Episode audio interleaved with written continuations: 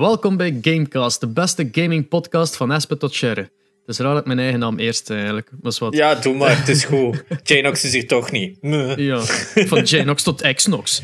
Nee. Of, of wat Jnoxit, de Brexit Jnoxit, versie. ja. Ja, Eh, ja big, big surprise. Allee, reveal eerder. De Jnox kan er niet bij zijn, deze keer. Eh, We hebben het toch 14 afleveringen volgehouden. Ja. Dus eh, vijf, de special 15e aflevering zonder Jnox. Dat is, dat is de special eraan. Ja, de 15 special. Hey. ja, maar... ehm, Volgende ja, week is hij er wel weer. volgende week is hem terug. Het is niet dat hem er niet kan zijn, dat wij het niet kunnen opnemen natuurlijk. Hè. Nee, het is daarom voor de consistentie en toch met al het game nieuws dat er deze week is uitgekomen, Ja, denk ik toch wel dat het de moeite was om een mini-cast te doen. Dus hij zal maar een anderhalf uur, anderhalf uur duren, zeker. dat ze plotseling like maar Ja. 40 minuten is zonder Jnox. Wat moeten wij eens zeggen tegen elkaar? Maar er is heel wat nieuws.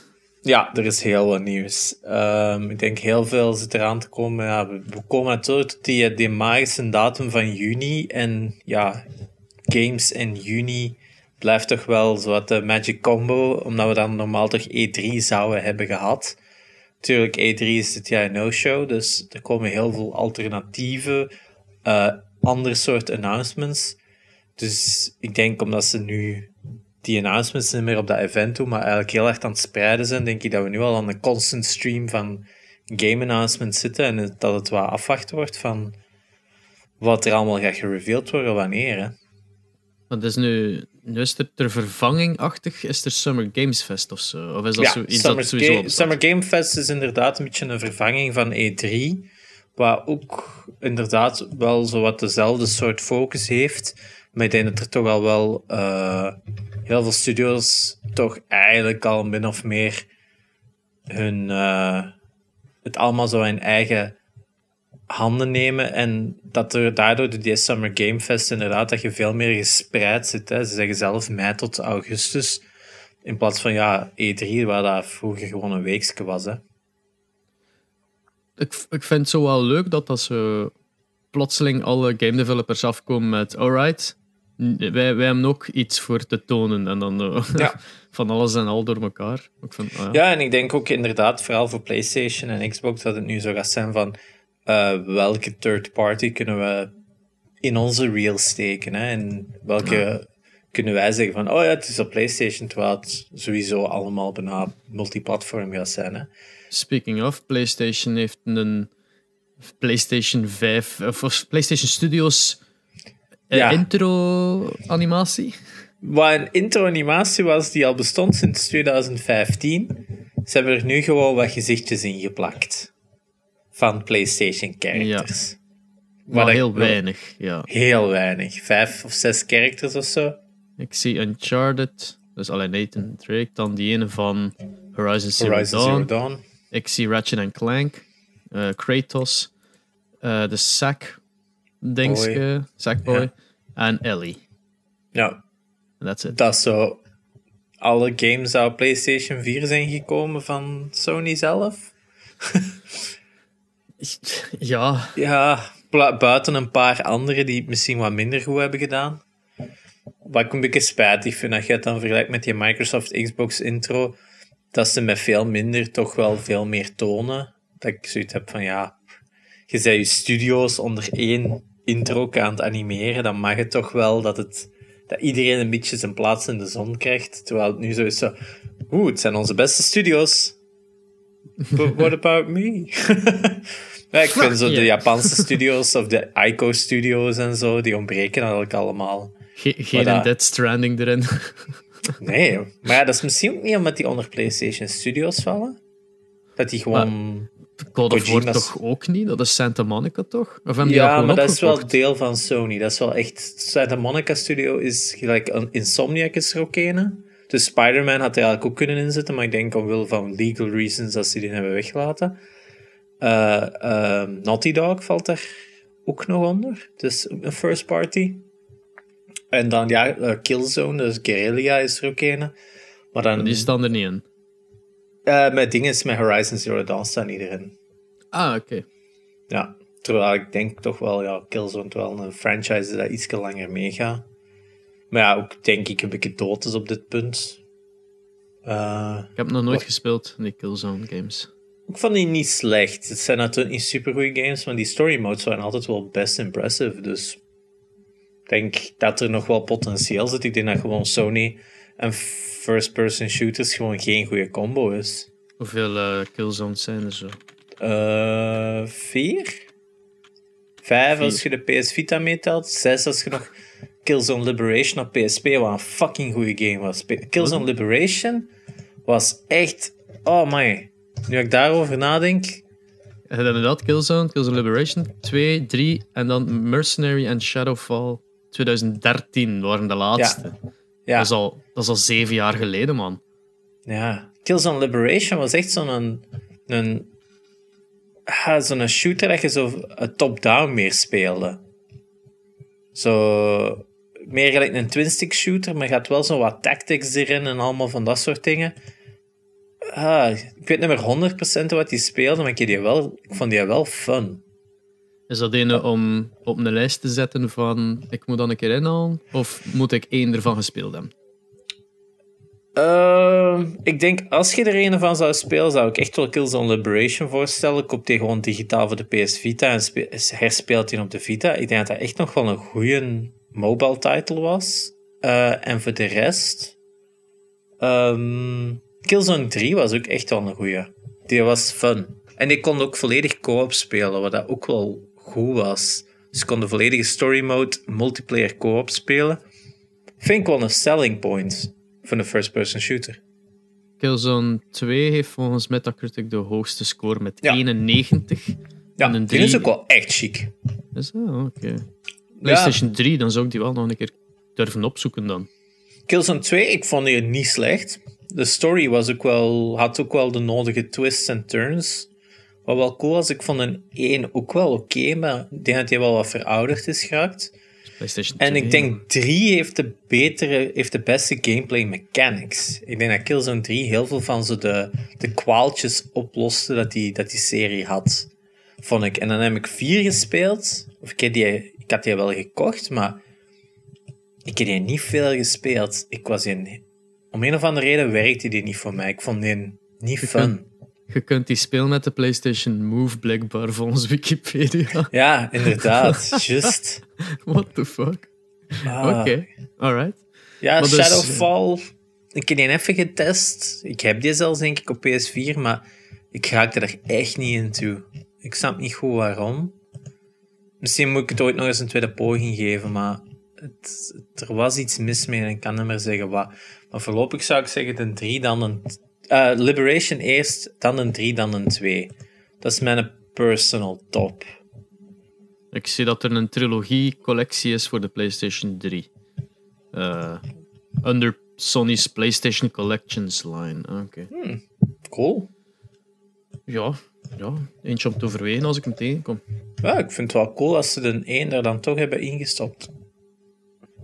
Um, maar dus PlayStation Studios animatie, een pure rip-off van Marvel eigenlijk. Uh. Ja. En eigenlijk ook een beetje een rip-off van die van Microsoft, wat dat ook een rip-off van Marvel was. Ah, tenminste, daar zat een auto in. Is dat, ja, dat was ook een van uw, ja, opmerkingen. Zo, een, van de grootste, een van de grootste franchises van Sony zit er niet in. En dat is uh, Gran Turismo. Wat toch al ja, is dat niet een van de toptitels? Of toch elke generatie toch wel miljoenen verkoopt? De laatste was van 2017 en die ervoor ook 2013. Dus dat ja, niet zo vaak. Maar die worden echt keihard onderhouden. Hè? Dus de nieuwste GT Sport eh, eh, wordt gewoon, is meer een online e-sports geworden. Dus dat is echt wel veel serieuzer. En dat is ook FIA, dus de, de, de federatie van autoraces, kijkt daar ook mee over. Dus de competities worden wel een beetje officieus genoemd. Zalig. Dus dat is wel cool. En dan GT6 had echt post-release nog, denk ik, twee of drie jaar aan updates gekregen. Uh, dus dat was wel cool, want mijn pa die speelde die wel graag. Die speelt die Gran Turismo's wel graag. En je zei van, oh ja, deze week is dat er weer bijgekomen. En nu is er dat weer bijgekomen. En ik denk dat hij echt nog wel... Wacht, wat is hier? 2015 zie ik nog updates. Dus dit is toch wel in totaal, ja, nog bijna drie jaar geüpdate geraakt. Zot een boel. Ja. Um, ja, ik ben aan het denken, is er, was er een soort logo-animatie dat trok op Marvel, dat Marvel het van genomen heeft? Of waren die echt zo...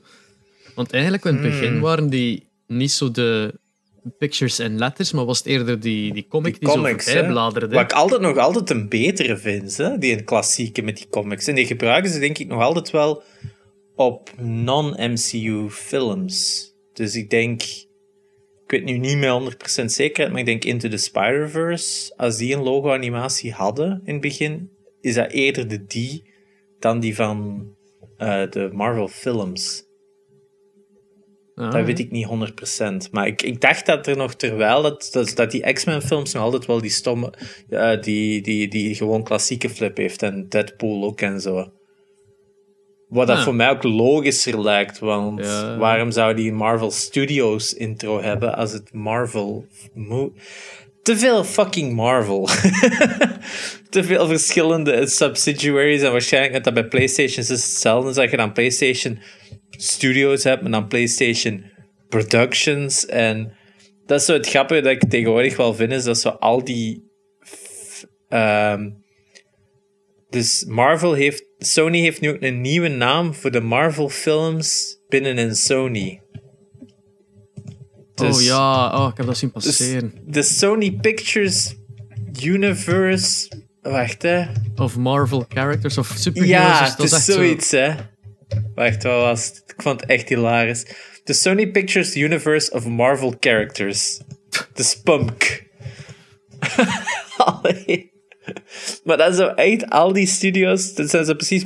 Sega heeft nu ook een studio gewoon omwille van de Sonic movie. En dan is dat met een kei cool intro met allemaal Sonic, Sega games. En ik zoiets van. Maar welk ander Sega game kun je nog een film van maken? Fucking. Uh, Streets of Rage. Uh, we hebben die nog? Uh, fighting game van die Virtua Fighter of zo? James Bond. Mm. Super Hang-On. Oh, dat oh, motorspel. Wat? We noemen, die twee, die, die groovy ones. Uh, Toe Jam and Earl. Ja, maar dat staan nog wel een fucking vette films in. Make it please. Paperboy? Ik ben net zo'n collectie niet, Dat is Atari, denk ik zelfs nog. Paperboy. Maar goed, we zijn weer off track.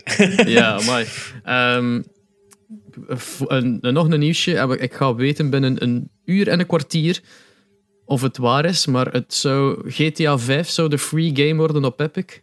Ja, voor, deze, voor de volgende twee weken of deze week of zo. Ja, het komt op uh, multiple sources, hè. gratis GTA 5.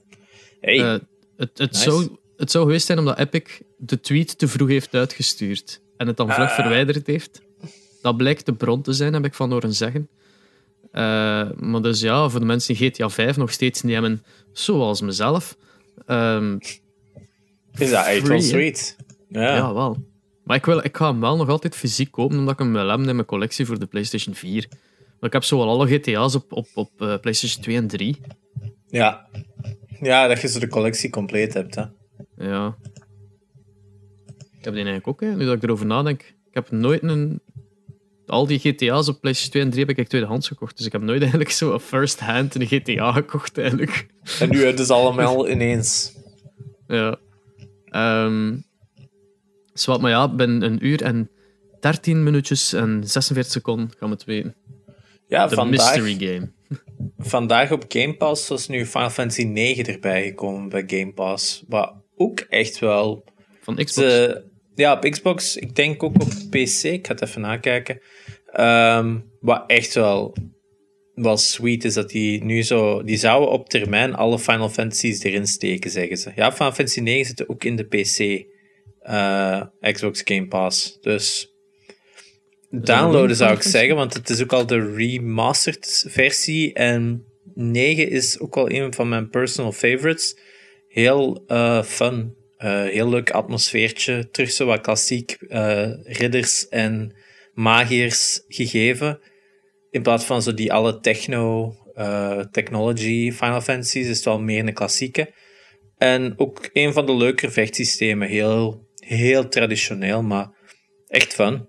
En ik zie ook dat Halo 2 Anniversary nu ook in de Xbox Game Pass op PC zit. Dus wat we onlangs hadden besproken, Halo 2 is nu ook uit. Cool. En Red Dead um, Redemption 2 zit ook in de Game Pass. Oh, wow. Waarom zou je nog niet Game Pass pakken? Het is echt gelijk... Als je weinig games hebt, is dat echt een supergoeie uh, deal. Console is, niet... dat denk ik 10 euro per maand en op PC is dat 5 euro per maand. En dat is... Uh... Hoeveel per maand voor PC? Zijn ook? 5 euro. Mooi. De eerste maand is een euro en daarna werd dat 5 euro. Dat is wel zot. Dat is echt geen geld. Want ik weet nog dat... Ja, zeg maar.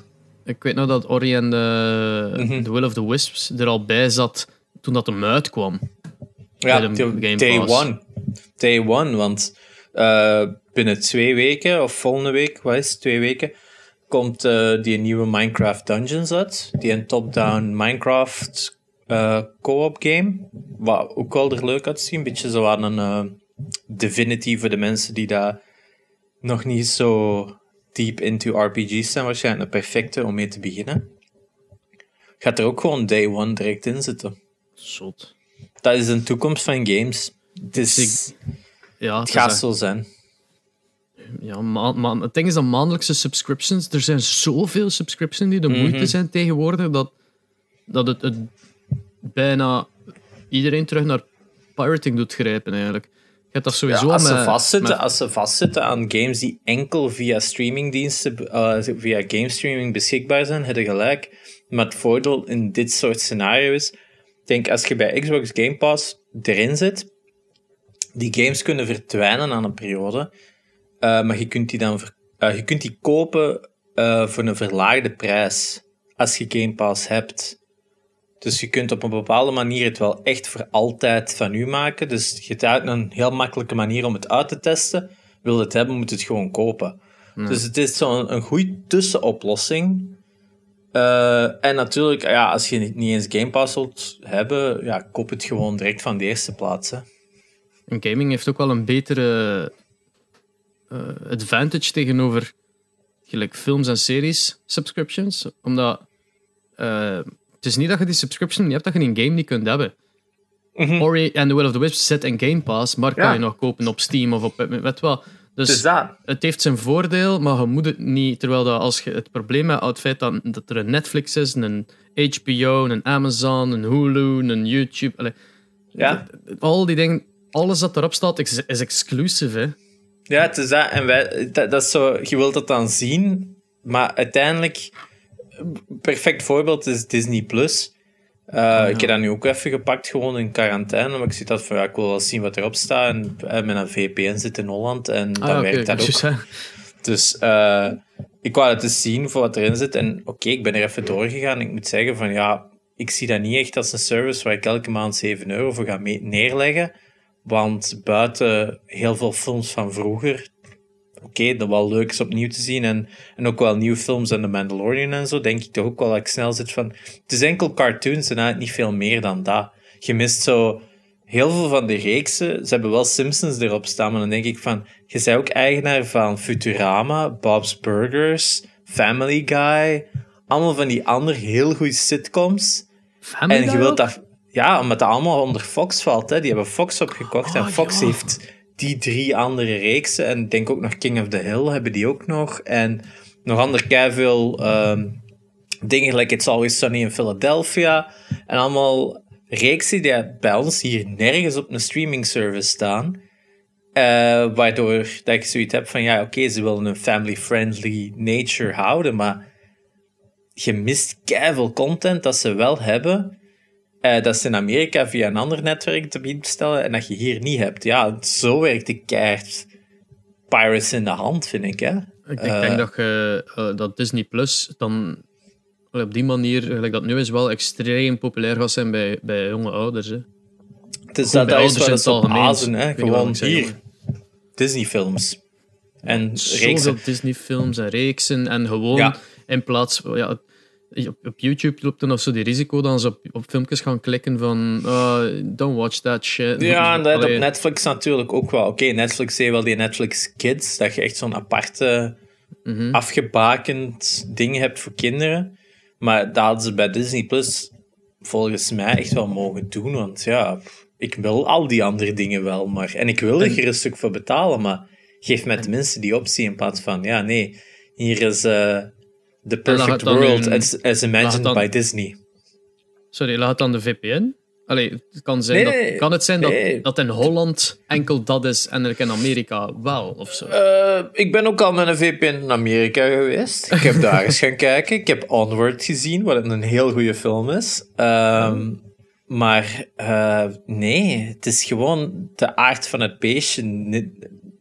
Ze willen het 12 plus, of nee, wacht, maximum 12 plus eh, is de content. Dus Marvel mag er zo nog net op, maar een Deadpool gaat er nooit op komen. Dus dat is ook zo van, ja, pff, dat is zo. Ik vind dat eh, eh, de- zo'n conservatieve mening van. Stik er dan een, een sectie in dat je het volledig afbakent, maar inderdaad, ze houden de prijs laag, 7 euro, voor 20 Marvel-films, alle Star Wars-films en eh, Disney-films, een beetje, een beetje eh, Simpsons.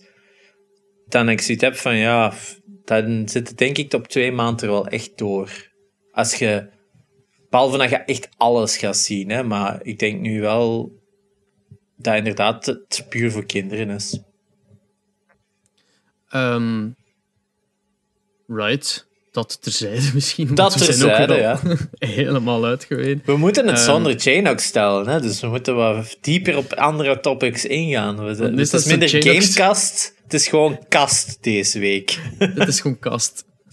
Janox is meestal degene... Ja, kom. Oh, Eh, het volgende. Ja, bol af, jongen. Eh, ik ga Dus zo'n dat, beetje de. Janox lingo nog gebruiken.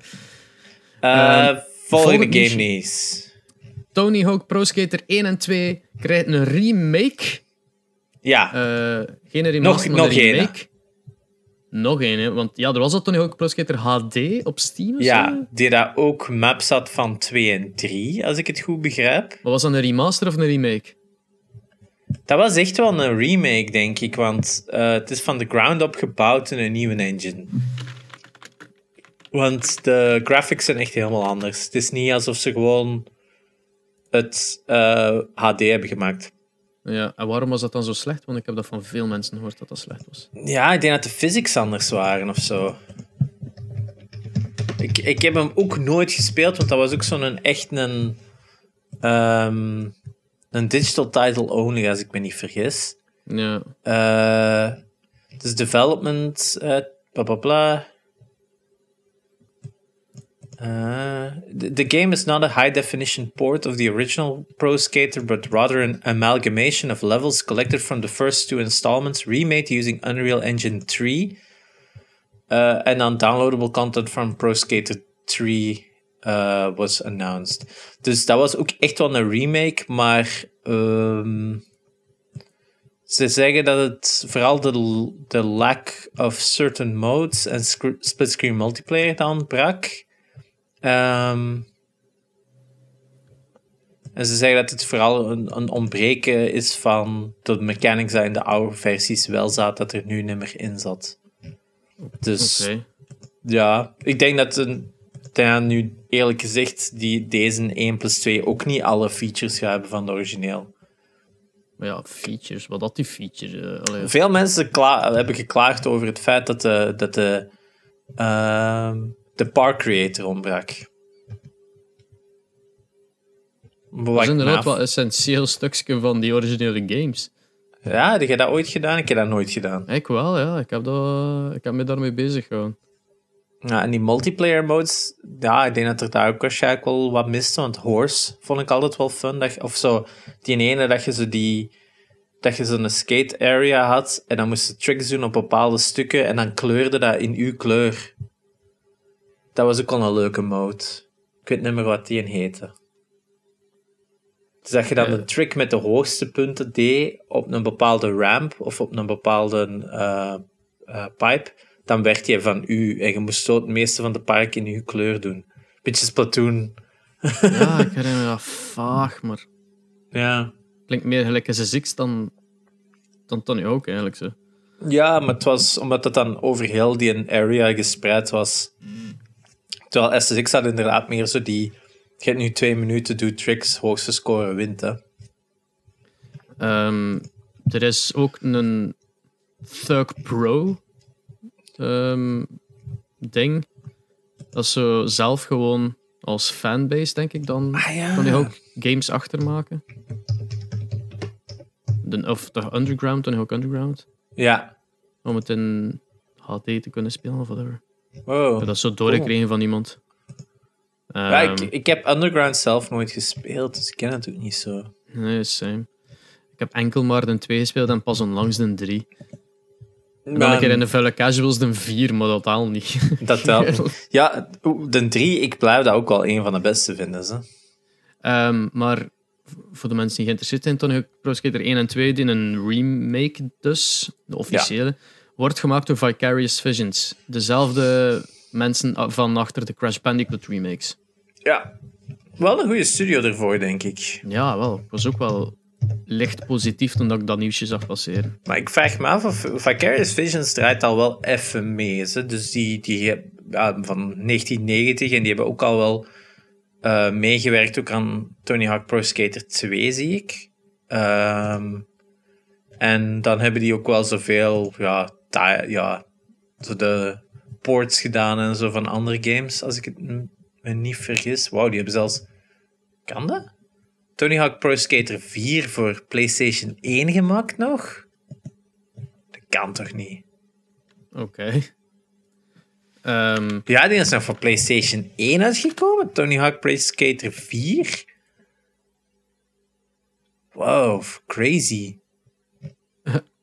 alright. Wow, dat is, dat is 2002, hè? Dat is echt al even na de, na de, de PlayStation 1 Ja, PlayStation Was. 2 was in wat, 2000. 2000? Ja. Het is, dat ging echt wel 2001, crazy. maar ja. Excuseer. Ja. Ehm, er is gameplay footage te zien van die remake dus op Jablinski Games. En Jablinski Jerry heeft daar een goede, een goede insteek over. Allee, insteek. eh, Ja, ik vond het wel speciaal. Dus, dat is wel even geleden gefilmd. Dus dat is echt Ja. nog wel voor quarantaine gefilmd. En al die classic skaters die zijn daar ook. Eh, en Eric, Eric eh, Casto, of, of noemt hem daar? Chad Muska. Muska, ja. Ja, Rodney Mullen. Rodney Mullen natuurlijk. Die Ja. zag er... Ah, dat Jesus. Like, al die mannen zagen er zo uit. Ja, En ik herkende die niet, omdat ik herken enkel de PlayStation 2... Nee, PlayStation 1 models van die mensen. Dus dat is ja, zo... ja, ja. Is dat hoe dat ze er echt uitzagen? Like. Maar dan deed hij ook nog altijd... Dat, dat, dat, zat Tony Hawk daar nog tricks te doen. En dan denk ik van, je bent 50, what the fuck, joh. Dat is insane, echt. hè. Oh man, dat is echt insane. Maar ik vond dat heel opmerkelijk dat, die, dat Jablinski daarbij was. Want ik gok dat dat wel een pers-evenement zal geweest zijn. waarin dat zal toch wel wat dingen hebben laten zien aan bepaalde mensen. Eh, en natuurlijk, ja, Jablinski Games kunnen nu ook niet wegslaan. Dat is uiteindelijk voor heel veel games denk ik ook wel een... Ja, dat is een influencer, hè. Je kunt draaien of keren, hè. Maar voor een eigenlijk meer ons generatie en waarschijnlijk een klein beetje ouder ook nog, is dat wel zo een, een influencer, hè. Maar ik denk, ik ben er heilig van overtuigd, ook met die foto dat ze trokken, Jack Black gaat in Tony Hawk, in die remake zitten. Ik, ik hoop het. Ik zou echt instant daarmee spelen. Ik had er niet over nagedacht, maar toen dat je het zei, was het zo van... Yep, yep, dat 100% dat gaat gebeuren. Dat kan gewoon niet anders. Dus, like, het feit dat Tony Hawk al zo vaak is langs geweest bij Ja. James... eh, eh, James, wat zijn nu? Jack Black. ehm, is zo... Like, come on, man. Zo'n Ja. goede vriend zijn jullie niet. Het is dat, en eh, dat hem ook zo bezig was, dat hem dat ook graag, dat hem dat veel speelde on the road en zo. En het, het matcht zo allemaal. En die story dat eh, Tony Hawk was gaan kijken, dat vond ik zo schoon. Die, dat Ja. dan vertelt ze van, ja, ik was gaan kijken naar uw optreden van Tenacious D. En tussen, als bit tussen uw liedjes zeiden dat, dat zo Being on the Road is tough. Want dat is zo'n intro van dat liedje The Road. The road is fucking hard. Like, whatever the fuck. Ja. Eh, en blijkbaar had hem dus ervoor beginnen zeggen van ja, The Road is moeilijk. Want niks is ambetanter dan dat uw tourbus een bump raakt en je zit Tony Hawk aan het spelen en je verliest uw highscore daardoor. En Tony Hawk zat in het publiek van ja, dat klinkt herkenbaar. Eh. vond, ik- ja, vond ik gewoon een verhaal. Dus het, Ja, het klopt. Hè. Het klopt gewoon dat hij daarin gaat zitten. Ja, ik, ik, ik hoop het. Zou echt super dope zijn. Het is niet als de Ah. rechten van Spider-Man gaat kunnen krijgen om die terug in een 2 te steken. Nee, het is dat. Het zal waarschijnlijk altijd wel Activision zijn, zeker dat dat published. Of is Probably, dat ja. bekend? Eens even kijken. Want dat was ook wel het grote probleem van ze terug te kunnen uitbrengen, was dat Activision moeilijk deed of zo, hè. Ga eens even opzoeken. Ja. Ja, het is nog altijd Activision. Het is nog altijd Activision, ja. Maar ik, ik weet dat hem daar zo toen over bezig was, hè, de, Tony Hawk, dat hem het heel graag iets zou willen doen, maar omdat de rechten van de naam Tony Hawk's Pro Skater ligt niet bij hem. Dat is, dat is niet van hem. Hè. Zijn naam zit erin, maar het is niet van hem. En ik weet dat daar toch altijd wel moeilijk over... eh, dat daar heel veel moeilijkheden zat om terug een nieuwe te kunnen maken. Maar blijkbaar heeft Activision dan toch wel meegestapt in het verhaal. Als je dan zo van die screenshots ziet, Het is wel chic, dus de- het ziet er goed uit, maar kun je dat voorstellen? Dan met raytraced uh, Ja, ik denk inderdaad... Eh, ik denk inderdaad wel dat het eh, visueel. Ik hoop gewoon dat er een nieuwe Tony Hawk Pro, eh, Tony Hawk Pro Skater komt na deze. Dat ze hier een goede remake mee maken, maar ze daar niet de franchise laten stoppen. Want daarom dat ik ook een beetje zo eh, met, met Vicarious Visions te horen, zoiets heb van, oh dat is cool, maar ergens ook wel van, hmm, Vicarious Vision, want ze was zo wel juist de studio dat ik dat dacht van, oeh, die zouden een nieuwe Crash Bandicoot moeten maken. Een echt goede veerte Crash Bandicoot. Ah ja, eigenlijk. Nu, dat zit nog altijd in de mogelijkheden. Vicarious Visions is wel een studio dat zo'n breed spectrum heeft van type games dat ze aan gewerkt hebben. Zou het me niet zou verbazen dat die nog wel een ander team zouden zetten op een nieuwe Crash Bandicoot. Ehm, dus laten we hopen dat daar toch ook nog iets nieuws uitkomt, want ik denk dat er heel veel interesse nu terug is in Crash Bandicoot. En oké, er is een Crash Bandicoot 4, maar niet met de naam Crash Bandicoot 4, maar Crash Bandicoot blablabla, iets anders. Eh, en als je het aan mij vraagt, is die een beetje shite. Ehm, die is gemaakt door Traveler's Tales en die gemerkt dat je de polish miste en zo de, de, de fun dat de andere drie hadden eh, van Naughty Dog. Dus ergens heb ik zoiets van, het zou wel cool zijn als ze nu echt een, een proper fourth one maken met terug die eerder dat model van die eerste drie en daarop verder bouwen in plaats van ja, het, het Spyro 3 effect wat het eh, Crash Bandicoot 4 echt wel had, of Rise of Cortex. Dat er zo te veel minigames en ander soort mechanics in zaten. En dat daardoor de core levels, de klassieke platformers, eigenlijk ook zo het minst goed werkte. En ik heb zoiets van, ja, nee, daar moeten we meer op focussen. Je moet focussen op wat de mensen wel origineel tof vonden aan Crash Bandicoot. En daar verder op bouwen in plaats van... eh, je kunt nu met een bal rondrollen. Eh, ja, en die andere levels met dat beertje en met dat tijgertje waren leuke afleidingen. Maar die zaten ook al in de eerste. Dat was ook al met, dat, met dat, dat, dat dat je zo op dat, op dat frattenzwijn erdoor moest gaan. Maar het zijn ook niet de mensen hun favoriete levels. Dat zijn leuke distractions, maar dat moet zo 10% van je game zijn en geen 50% van je game. Denk ik. Ik zie juist dat de, de Collector's Edition van Tony Hawk's remake eh, is standaard eigenlijk gewoon een game Ja. met wat digital extra. Maar je krijgt een fucking skateboard van Birdhouse bij met Tony Hawk's handtekening op. Ja, dat is al fucking dope. Het zal wel niet zo goedkoop zijn, gok ik. Is daar geen prijs bij? Eh, Ik- mm. Wat, Oké, Tony Hawk Pro Skater Collect Collector. Wow, ik kan het niet doen. mm, There you go. Is er, is er iemand die daar een prijs bij zet? Gewoon je zo dust sites moeten aflopen tegen dat ik het ga eerst. Ja. staat er nog helemaal niet. Oh, wait. Standard is eens 40 dollar, yes, yes. Deluxe 50. Collector's Edition 100. Dat Ah. badje. Dat badje 100 euro voor een skateboard. Dat is niks. Hè? 100 dollar. Holy Eh, crap. Misschien is dat American only, want ik zie zo GameStop, Amazon, Walmart, maar niks. eh En op bol? Tony Hawk. Bun- Niet gesponsord, by the way. Eh, Ja, ja, die staat ook op, eh, op bol voor 100 euro. Holy shit. ja, Maar is het dan wel een echt- shit.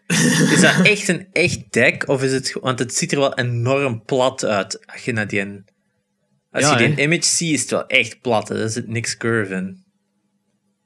Is het, maar ja, het is een birdhouse. Limited edition full-size birdhouse skateboard deck. Het is zo. Allee, Dat is toch, dat is toch insane? Dat is 50 euro voor een deck.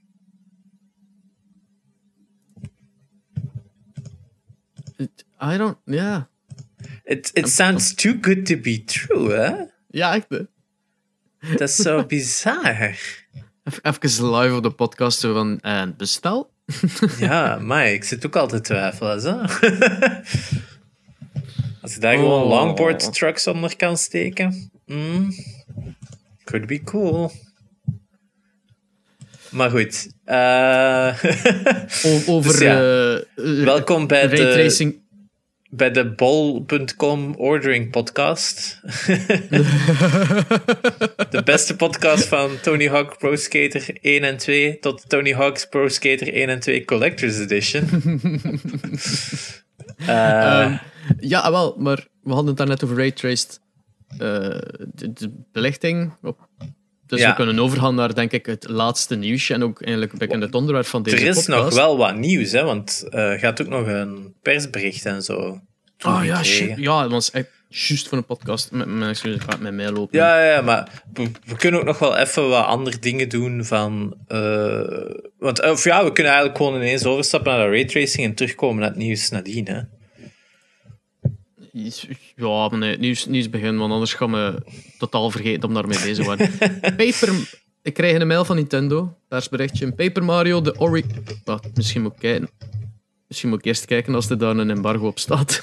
Ja, inderdaad. Eh, het, is, het is officieel. Het is officieel. Het staat ook op de YouTube van, eh, Oké, ja, ja. van eh, De Nintendo. Paper, de Paper Mario, eh, Paper Mario The Origami King komt op 17 juli naar de Nintendo Switch. Dus dat is een nieuwe, toch? Hè? ja, dat is dat is geen een nieuwe. Ah, Dat is een volledig nieuwe als ik het zie. Ik ben ook naar de gameplay video aan het zien, ja. Ehm, het ziet er wel weer heel chic uit. Het is altijd wel een leuk stijltje, Paper Mario. Ehm, er zit zelfs een Metroid helm in, zie ik. Eh, dus ik ben benieuwd, ja. Ehm, ik ben wel fan van de, van de Mario RPG's, om het zo te zeggen. Meer van de, de, de Superstar Saga-reeks dan de Paper Mario-reeks. Want uiteindelijk Paper Mario had je Paper Mario en Paper, Mar of Paper Mario 64 en Paper Mario 2. En dan zijn er nog wel andere games geweest, maar die zijn zo wat verder van het genre afgestreefd, vind ik zo. Eh, die hebben andere mechanics, terwijl de Paper Mario, eh, de Mario en Luigi saga gaat eigenlijk dieper in op de mechanics van Paper Mario, de hoofdreeks, waardoor ik die leuker vind.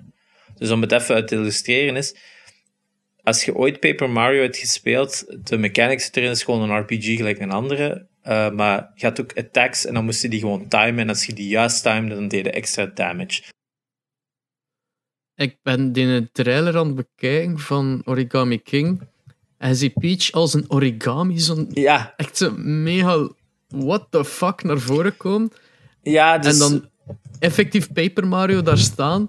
En dan zo, will you become folded like me? Ik zei, wat voor secte is dit aan het worden? Ja. What the fuck? Dus als ik het goed begrijp, dus om het even voor te steken naar eh, de andere, dus op een gegeven moment is dan die, die Mario Luigi-reeks, die gaat verder in op die mechanic van eh, attacks en dingen, dat je zo'n Mhm. hammer attack zet en je jumping attacks. Maar die eh, Paper Mario games. Die hadden dan op een gegeven moment Super Paper Mario op Wii, wat dan al een platformer was. Een gewone platformer zonder de RPG-elements. Uh, dat dan niet meer turn-based was. En dan had je op een gegeven moment Sticker Star en Color Splash, denk ik, op de Wii U. En dan was dat echt dat je stickers moest verzamelen. En die stickers waren attacks, dus dan konden met die stickers...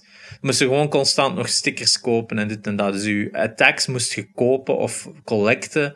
Dus gaat zo minder... Ja, het werd veel moeilijker. Of ja, het werd gewoon meer hassle dan eigenlijk echt gewoon een klassieke RPG waar je vooruit moest gaan. Moesten zo vaak van, ah, ik kan deze bossfight niet winnen, want ik heb die sticker niet. Dus dat was een beetje een stom systeem.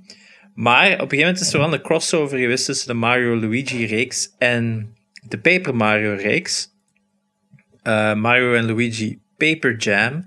En daarin komt er eigenlijk zo aan uit dat dat een multiverse is, waarin dat dan alles van Paper Mario zich in een boek afspeelt, als ik me niet vergis, en een boek gaat open, waardoor dat dan al die Paper Mario en personages daaruit komen en dan in de gewone wereld aanwezig zijn. Dus dan is er echt gewoon zo een paper Peach en een gewone Peach die met elkaar interacten. En ze sluiten die op een gegeven moment ook op in een kooi. En dan zitten die in die kooi van, oh no, how will we escape? En die Paper Peach die loopt gewoon zo tussen die balken tussen, want die is gewoon zo dun als een papier.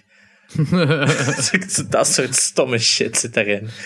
Maar ja, dus de environments zijn karton. Dus ik denk inderdaad dat daar het verschil in zit, is dat die Origami Peach eigenlijk gewoon van een ander soort consistentie is dan Paper Mario, dat uiteindelijk echt een stuk papier is.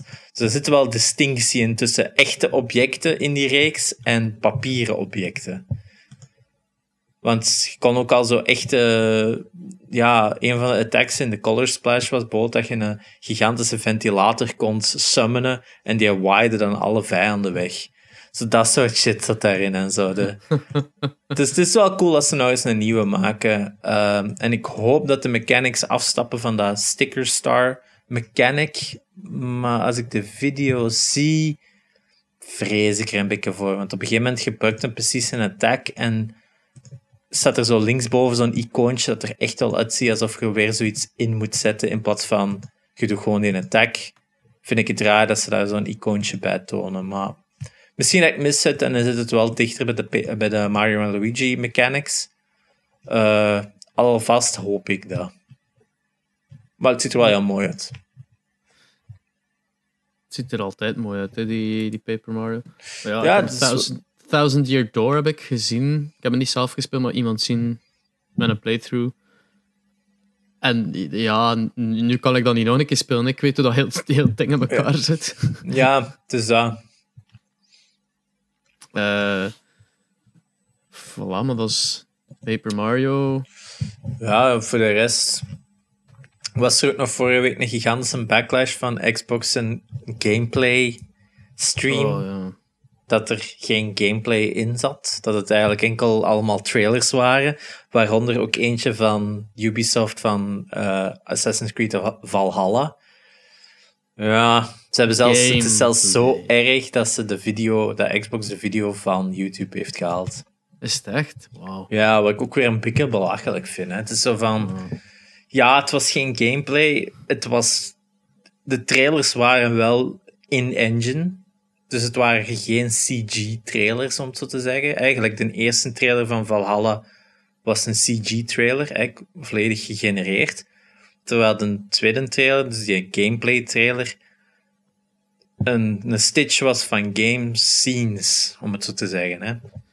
Dus ik snap wel de distinctie dat ze wouden maken bij Xbox, dat ze zeiden van, kijk eens, hier zijn games in engine, gameplay. Maar ik denk dat de verwachtingen van de kijkers waren van, ja, nee, we willen alles zien, we willen mensen zien besturen, we willen dit, we willen dat. En ik denk, frankly, op dit punt, als die games nog niet zijn aangekondigd, gaan ze nog niet met een gameplay video beginnen. Dat is niet hoe dat, dat werkt. Het is, het, het, het, is sowieso, de games die ze toonden waren ook, behalve dan Assassin's Creed, waren ook zo van oké. Okay. Er, ja, was niks groundbreaking of revealing. En het, het, het feit dat dan Assassin's Creed ook geen een gameplay was, misschien game engine, maar geen gameplay.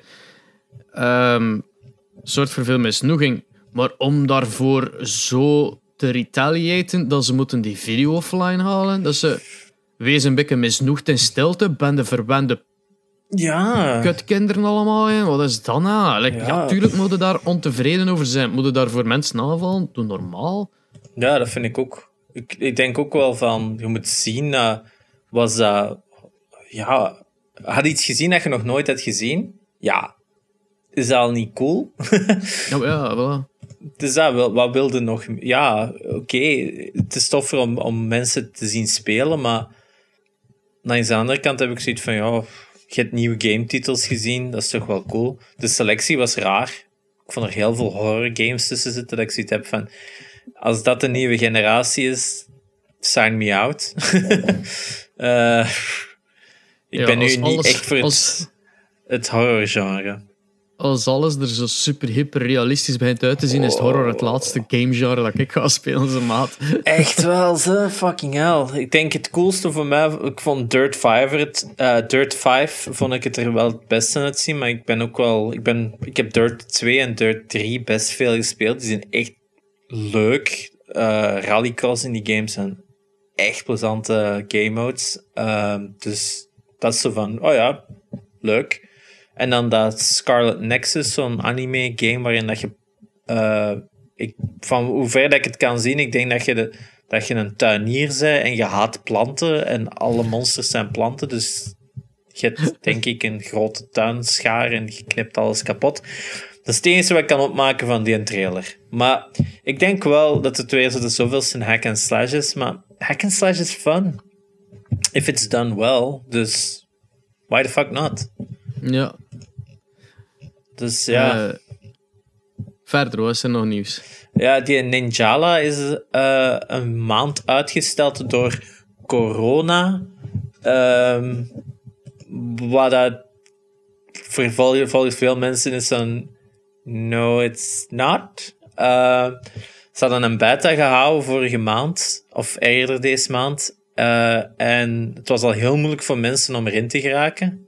Dus het was al zo'n beta dat duidelijk liet zien van hun servers zijn nog niet up to strength. En, maar de laatste dag daarvan ging allemaal veel beter. Dus mensen dat er wel waren in geraakt, maar ik denk dat ehm, de conclusie over het algemeen was van dit game is gewoon niet leuk. Oei. En ik denk dat daarom is dat heel veel mensen zoiets hebben van uh, there's not enough to make it a good game. Dus ze wilden er een free-to-play game title van maken en een beetje zo wat de Splatoon holte van Nintendo wat terug invullen. Maar het zit zo met heel stomme uh, rock, paper, scissors mechanics. En je gaat ze altijd in duels. En zolang dat je dezelfde button masht, blijft de clinchen. En van het moment dat je, denk ik, het bovenhand haalt, schiet je de andere weg. Dus het ziet er gewoon heel monotoon uit. Um, als je gameplay-video's ziet, heb je, heb al direct van... Hmm, dit ziet er niet leuk uit. Dus ik denk dat ze eigenlijk met een groter probleem zitten dan servers. En ik denk dat een maand uitstel um, misschien wat tweaky gaat zijn voor het leuker te krijgen, maar de trailers van dat game zag er super cool uit. Je had zoiets van, ah cool, Ninja Splatoon game, could be fun. Maar ik denk dat het enorm veel diepgang mist. En zeker van een free-to-play title. Omdat een free-to-play title moet net teren op mensen die blijven terugkomen en uiteindelijk geld erin gaan steken. Ik denk, als je ze niet lang genoeg gaat kunnen houden, ja, zeker van een multiplayer, zit je echt wel met een probleem. Ja, met dat je zo zegt van in de alpha of beta is gebleken van het spel is gewoon niet leuk. Toen me zo eigenlijk direct denk aan Disintegration. Dat is dat zo dat spel van die Halo-founder. Juist, dat was zo'n Battle Royale zeker of zo, hè? Of wat was dat? Nee, nee ah. dat is gewoon um, dat je in een mech zit, maar je hebt ook ground troops dat je kunt sturen. Dus, uh, ja. Het was wel zo van, alright, ik zie wat je wilt doen, maar dan uh, de beta was gewoon PvP. En er was gewoon niks speciaals aan. Dat was saai voor mij. En nu natuurlijk, dat is ook mijn genre niet, dus het kan volledig aan mij liggen. Maar die nu ook een, een release date, 16 juni. De dag voor Tony Hawk uh, Remake. Dus ik vrees dat die hier ook compleet gaat verdwijnen. Ja, het is gevaarlijk, hè. Is zo, ik denk, er zijn veel van die, van die multiplayer titles die gewoon een beetje dead on arrival dreigen te zijn. Omdat gewoon de markt een beetje oversaturated gaat. En als je playerbase er niet is, dan, dan gaat het er niet zijn. Want ik, las ook zo, ik had zo een review gezien van dat spel Dems Fighting Hurts. Zo die fighting titel van dat geboren is uit een My Little Pony fighting game. Maar dan had Hasbro gezegd, nee, stop dat. Dan hadden die mensen zoiets van fuck. En dan had de tekenares van Little Pony gezegd van ik ontwerp gewoon nieuwe characters voor jullie, zodat jullie dat spel kunnen verder maken. Super cool, maar dat is nu uitgekomen. Eh, en naar het schijnt is echt nog goed ook, dat het heel leuk, een heel goede fighting game is. Maar het probleem is, er zijn maar zes playable characters en de lobby's zijn vrij deserted.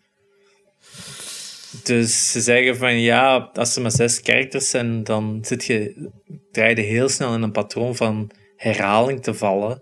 Dus je hebt niet genoeg content om te blijven online spelen. Dus dat is ook wel hoe- spijtig.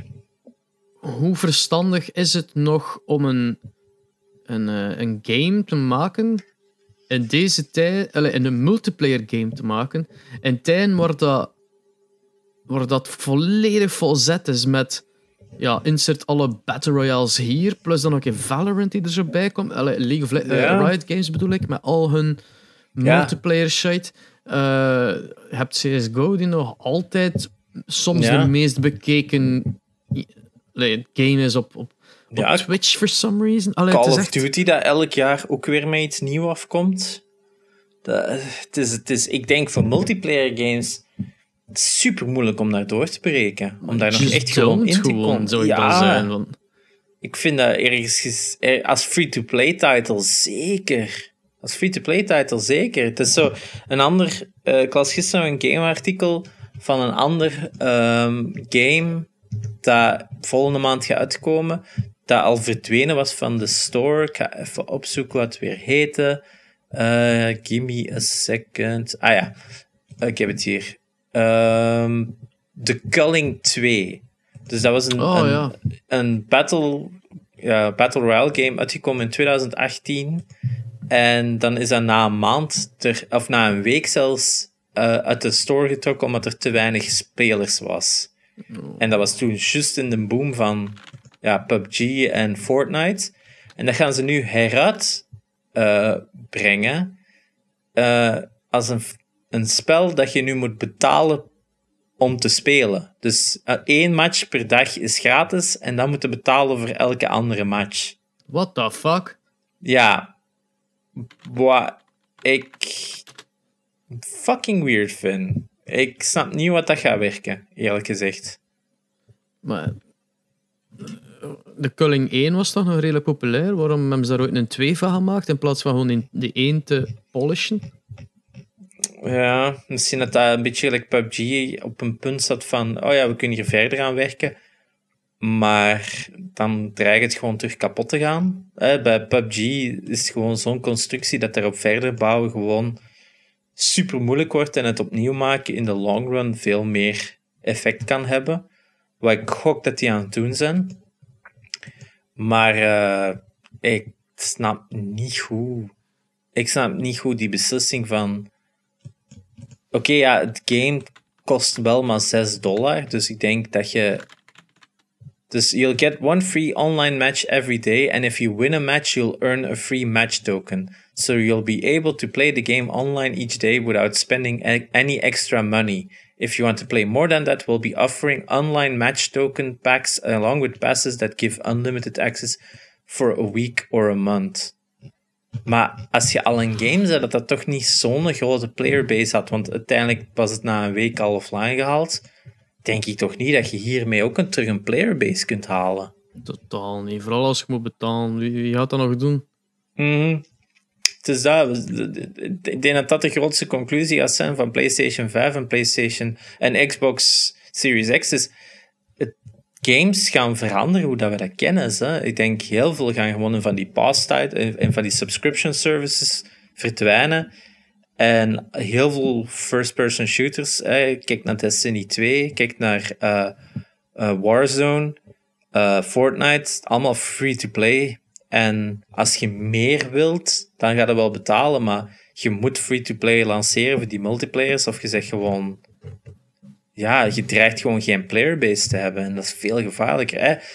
Uiteindelijk, Call of Duty heeft het jaren kunnen doen om gewoon altijd 60 euro te vragen. Mensen spelen het en die online servers waren flooded. En sinds de, nu Modern Warfare Warzone is gewoon gratis te downloaden voor iedereen. Dus zelfs zij voelen ergens iets van: hm, wij moeten onze strategie aanpassen.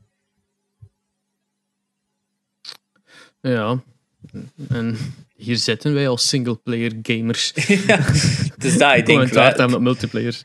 Uit onze zak gaan ze altijd wel geld komen halen. Uh, singleplayers is ironisch gezien nu misschien wel een paar jaar geleden doodverklaard. Nu nog het enige waar mensen echt nog geld willen tegenaan gooien, omdat ze nu verwend zijn door al die free-to-play games. Maar langs de andere kant, hoeveel haalt Fortnite niet op elke maand uh, of elke season met die season packs? Uiteindelijk qua puur bij door de massa aan spelers die halen, kunnen die potentieel veel meer geld binnenhalen. Hè?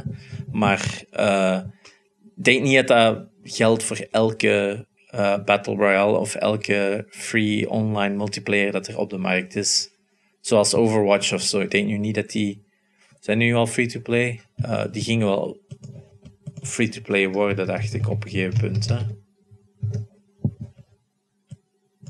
Ik denk dat het nog altijd betalen is. Wanneer ga jij uh, een keer een single player uh, story uitbrengen? Als ik uh, veel geld krijg ervoor. Super duur om te maken, hè.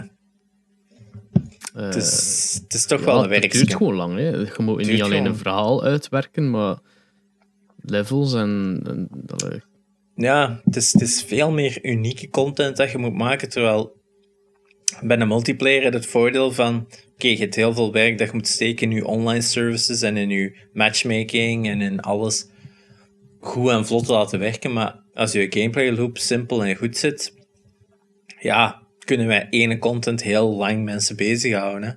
Perfect voorbeeld is Call of Duty Warzone uiteindelijk. Hè? Met één map, hoe lang dat die mensen engaged kunnen houden, is super lang. En uiteindelijk hebben die heel veel systemen erin zitten dat ze al van vorige games mee hebben gepakt. Hè. Al, die, al die guns waren toch al gemaakt. Ik ga mij niet zeggen dat die opeens alle guns vanaf scratch opnieuw zijn beginnen maken. Hè. Ja, het is. Uh... Ja. Gaan we naar. Is er nog nieuws? Uh, ik ben nog eens even aan het nakijken. Uh, ik denk allemaal, ja, wel, wel ja, Fortnite dat naar PlayStation 5 en PlayStation uh, en Xbox X launchtitel gaat zijn, zeker? Ja, ja dat is funny. Destiny 2 zou ook naar PlayStation 5 en Xbox X gaan. Alles dan ook maar een beetje multiplayer is, dat gaat naar PlayStation 5 geport worden de seconde dat hem uit is. Hè is daar, ik denk ook dat die, dat die subscription games, dat die inderdaad wel logischerwijze naar daarover gaan. Misschien niet eens van een grote playerbase, maar gewoon om er te zijn. Um, het is free, het is free, free real estate uiteindelijk. Hè? Je hebt mensen die een console kopen. De eerste maand spelen ze wat content dat nieuw is. En dan hebben ze, wat ga ik hier nog spelen? Ga ik een PlayStation 4 aansteken? God no. Dus dan willen die spelen op de PlayStation 5. Dus als je daar dan bent met een multiplayer, ja, dan ga je capituleren. Hè. Ja. Verder van de rest, ik heb, ik heb, ik heb absoluut geen nieuws meer. Dus, uh... ik denk ook wel dat we het belangrijkste gecoverd hebben. Ja, het enige andere dat we nog te bespreken hebben is dat die een Unreal 5 demo hè, dat er getoond was. Uh, wat was het? Uh, Janox die bij ons in een chat kwam zeggen... Ja, om vijf uur nieuws dat de gamingwereld gaat veranderen. Wij waren instant sceptisch van, nou ja, nieuwe Minecraft. Dus, uh, maar nu dat we het gezien hebben... Ja, de gamingwereld is veranderd, hè. Ja, het is wel weer uh, super, super shit. Chic. Uh, ik dacht eerst van... Oeh, nieuwe Tomb Raider. Maar uh, nee, het bleek gewoon een tech demo te zijn, spijtig genoeg. Maar uh, ja, het was wel chic. Dus voor mensen die mee zijn, uh, Epic Games heeft eigenlijk een Unreal Engine 5 gereveeld. Ik weet niet wat dat Epic Games daarmee te maken heeft zelfs. Epic Games maakt dat, hè. Epic ah, Games is de... Epic heeft Unreal gemaakt, daarmee kwam de Unreal Engine. Dan um, Unreal Engine 3 is zo de eerste echt commerciële engine geweest, als ik me niet vergis, die op een gegeven moment echt wat de standaard werd in, in, in games, want die hebben daar uh, Gears of War mee gemaakt. En toen begonnen heel veel, gaat zo die overgang van PlayStation 2 naar PlayStation 3. En dat was echt wel dag en nacht verschil, als je dat voor heel veel mensen, hè, je had pump maps, je had, um, wat was er toen nog niet? Normal maps. Uh dus dat uh, lighting was ook wel wat anders dan vroeger. Hè. Vroeger hadden veel games dus, hadden niet eens lighting, want dat was gewoon veel te duur. moeten we echt wel bump maps en normal maps en dergelijke uitleggen. Uh, bump maps is basically als je een oppervlakte hebt waar dat er een relief op zit, maar dat is zo gedetailleerd dat je niet, het aan, niet zo gedetailleerd kan allee, uh, echt sculpten. Want ja, uiteindelijk heb je maar een beperkt aantal polygonen dat je kunt tonen op je scherm zonder dat uw computer zoiets heeft van uh, wacht even, ik heb tijd nodig. Vanaf dat uw computer tijd nodig heeft om iets te berekenen, dan kun je niet zoveel frames per seconde iets zien. Ja. Hoe dus meer, is iets... Heel simpel meestal is hoe meer triangles, dus hoe meer 3D-modellen dat je hebt, hoeveel, hoe moeilijker dat is voor een, voor een game engine. Ja, daarmee dat Lara Croft haar, haar borsten in het begin driehoeken waren. En nu oh, ja meer polygonen heeft dan een bestaande TED. Allee, ja. ja, als je een TED hebt uit polygonen, zou ik echt wel aan een dokter gaan ook. Want dat is niet, dat is niet gezond. Dus technisch gezien waren zelfs die driehoektetten meer dan meer polygonen dan een echte tet. meer, meer ronding. Uh... Meer ronding. Um, maar gezien dat ze moest niet zoveel, allee, geen als je een cirkel wil afbeelden, kun je niet zo'n 5 miljoen puntjes zetten. Maar is dat, zijn dat er eerder 32 uh, ja. zijn nu maar of zo, 64, whatever. En gaan ze de, de, de space daartussen invullen. En ze moesten daar altijd manieren zoeken om te trischen. Zo van, hoe kunnen we het doen alsof dat deze super gedetailleerd is. En dan kwamen dus er een, goede voorbeeld, en normal maps en dergelijke. Het goede voorbeeld is een trui of zo, plooien op een trui te veel details zijn, terwijl je eigenlijk gewoon puur die lijntjes wat wilt en dan heb je eigenlijk ook de, de indruk daarvan. En met normal of met bump maps en eigenlijk beter nog met normal maps bakt je eigenlijk die, die vorm in een textuur, in een 2D-image. Hetzelfde als elke karakter, als je een 3D-model zou pakken, pakt nu eh, een ventje, pakt, uh, een goed voorbeeld zou bijvoorbeeld Ratchet van Ratchet Clank staan die is geel, maar die heeft ook nog wel zo bruine strepen. Je zou, dat basismodel zou wel geel zijn, maar je zou een textuur, dus een apart een 2D-image, een, een JPEG of een foto, zouden die, die lijnen trekken en, en inkleuren, zodat hij op de juiste plek zijn lijntjes heeft in zijn, in zijn vacht. En zo hebben ze daarnaast dan nog een, uh, een bump map of een normal map, dat uiteindelijk gewoon die details laat zien in een kleurenspectrum, dat uiteindelijk voor, ons oog paars is met wat groen en blauwe details in. En dat zou eigenlijk zeggen, als daar licht op zou vallen, hoe zou dat licht moeten buigen rond dat object? Dat simuleert eigenlijk een beetje van, als dat van boven zou vallen, dan zou dat op die texture map zien van, ah, maar dat gaat naar binnen, dus dan zou er een schaduw moeten zijn, of dat komt naar buiten, dus dat zou een highlight moeten zijn. Eh, zo zou dat in het echt ook hebben als je, als je bijvoorbeeld een blikje pakt of zo. Dat je ziet de witte elementen en je ziet donkere elementen. Dat is eigenlijk hetzelfde soort systeem, maar op een 2D, een plat vlak. Een goed voorbeeld zou zijn, is, ik heb hier bijvoorbeeld een cover van mijn iPad. Daar zitten zo groeven in. En dan zou jij hier een wit lijntje hebben en hier een donker lijntje, omdat dat naar binnen gaat en naar buiten gaat. Ja, Simpel dus in plaats van dat in polygonen te doen, dat dat effectief zo een, een, een 3D iets is, is dat eerder zo, ah, dat is, op een, dat is gewoon eigenlijk plat. Maar je triest gewoon dat dat zo lijkt. Ja, dus dat. En, en om het terug te pakken naar Unreal Engine, dat gaf voor heel veel personages, bijvoorbeeld in, in uh, Gears of War, die vijanden, die hadden dan zoveel meer oppervlakte op hun huid zitten. Dus die, dat leek zoveel ruwer of zo details in die hun armor en zo. Had veel meer detail dan gewoon een platte image. Nee, licht had opeens ook een aspect. En vroeger, als je bijvoorbeeld Halo ziet of, of Half-Life, alles is heel uniform belicht. Je had geen echte schaduw en allemaal van dat soort dingen, waar oftewel onbestaande, oftewel ingebakken. De meeste, meeste games, zoals bijvoorbeeld Mario, als je springt, heb je altijd zo'n een, een, shadow onder je character, altijd recht onder je character staat, zodat je kunt zien waar dat je gaat landen. Maar dat is fake en alle schaduwen in oude games waren meestal gewoon op die manier gedaan, volledig fake. Maar bij PlayStation 3 konden al wel echt meer casted shadows beginnen doen. Je kon meer pump maps beginnen doen. Je kon echt wel veel meer met licht spelen voor de eerste keer. En heel veel studio's hadden daar moeite mee. Heel veel studio's waren toen van...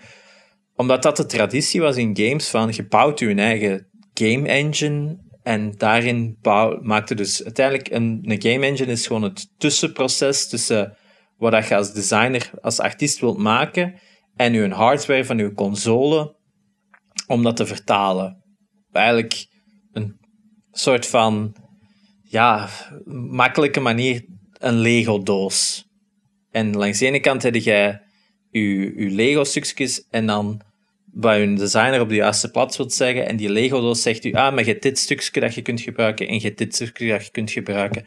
En daardoor kan nou die PlayStation werken. Nu, met al die nieuwe technieken dat erbij kwamen, was het moeilijk om te zeggen van je kunt van je PlayStation 2 engine, je duwt daar wat dingen bij in en je hebt opeens een PlayStation 3 game. Nee, de PlayStation 3 zeker en de Xbox 360 hadden zoveel meer extra power en zoveel meer andere soorten technologie dat daarvoor ontwerpen was, dat je echt wel even bezig was met een engine en je eigenlijk ook je engine ineens voor PlayStation 3 nog dubbel werk moest doen omwille van alles wat daarin zat. En dus werden die consumer, om het zo te zeggen, die consumer game engines interessanter, want dan kocht jij gewoon een license van de Unreal Engine en je werd ineens al zeker dat je op de Xbox 360 en de PlayStation 3 je game kon releasen en je moest je al minder aantrekken van ik moet nog een game engine maken dat op beide systemen kwam. Dat zie je ook vooral in die early Xbox 360 en early PlayStation 3 titels, dat er echt gekozen moest worden voor een platform omdat het gewoon te duur was om een engine te maken voor beide. En het probleem dat er daarnaast nog kwam is, heel veel van die engines dat er toen gemaakt werden, niet goed waren. Je merkt dat bij zeker Japanse titels, Japanse titels in PlayStation 3 en Xbox 360, performance zat echt lager of ze struggelden met dingen. Uh, development duurde veel langer dan voorzien omdat er zoveel extra dingen bij kwamen voor voor die nieuwe systemen te werken. En opeens was Unreal van, ja, als je ons een miljoen geeft, heb je een engine en je mocht jezelf uitbrengen. Dus Unreal begon terug met, of Epic begon met een Unreal Engine echt wel de forefront te worden. Eigenlijk echt zo, kijk eens, wil een game maken, koop een Unreal Engine license en brengt je game uit. Denk, in die generatie alleen al superveel games zijn gewoon in Unreal Engine 3 gemaakt. Een van de bekendste dat ik weet is bijvoorbeeld uh, Batman Arkham is gemaakt in Unreal Engine 3. Uh, eh, zelfs zover nog dat Arkham, uh, Arkham Knight, de laatste op PlayStation 4, ook nog gemaakt is in, in Unreal Engine 3. Maar dat die zo hard die engine zelf hebben zitten aanpassen en customizen, dat die er eigenlijk beter uitzag dan Unreal Engine 4 op dat punt omdat die zoiets hebben van, ja, we kennen deze engine, we gaan niet volledig ons team overschakelen naar een nieuwe engine of een nieuwe versie van die engine. We passen gewoon aan voor het spel chiquer te maken. Wat dan altijd super insane blijft. Uh, maar uh, dat terzijde. Wat waren er nog zo game engines van die tijd? Ga Unreal 3 bijvoorbeeld? Of, uh, Frostbite is nadien, denk ik, gekomen. maar Frostbite... Welk? Dat is van Battlefield Frostbite. Ja, dus uh, Frostbite was een engine gebruikt door uh, DICE, of ontwikkeld door DICE. In de eerste fase was dat echt een interne engine. Dus ik denk de eerste game dat ermee gemaakt was, was, ik wil zeggen Battlefield, uh, die 1943 remake, of wat was dat daar? zo die een standalone, maar Bad Company is er denk ik ook nog mee gemaakt, want uiteindelijk de big selling point van de Frostbite engine was dat hij een destructible environments had. Dus heel veel van die games feature destructible environments. Dan weten, die is gemaakt met Frostbite. Maar Frostbite zijn ze elke keer beginnen uitbreiden. En uiteindelijk is Frostbite zo ja, goed geworden, zal ik zeggen.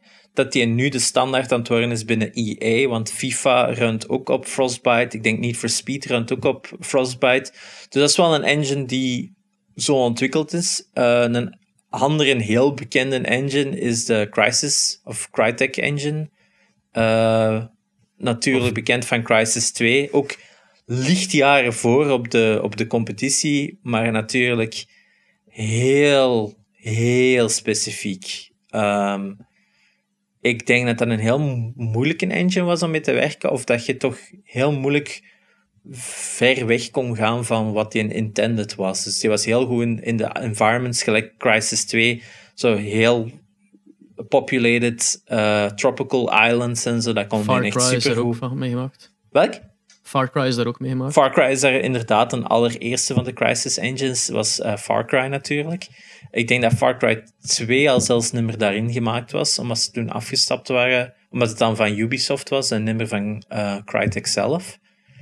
Um, dus... It is ook nog een, zeker? Ja, van It Doom en van. Doom.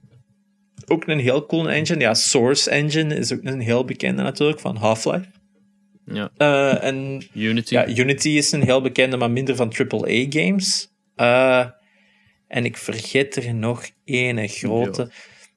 Ik denk dat dat wel de bekendste zijn die daar ook te koop zijn. Of toch, laten we zo zeggen, dat die wel extern is. Want bijvoorbeeld uh, Uncharted heeft een eigen engine ontwikkeld. En ik denk, als ik me niet vergis, die engine is ook doorgespeeld aan heel veel van de partners van Sony.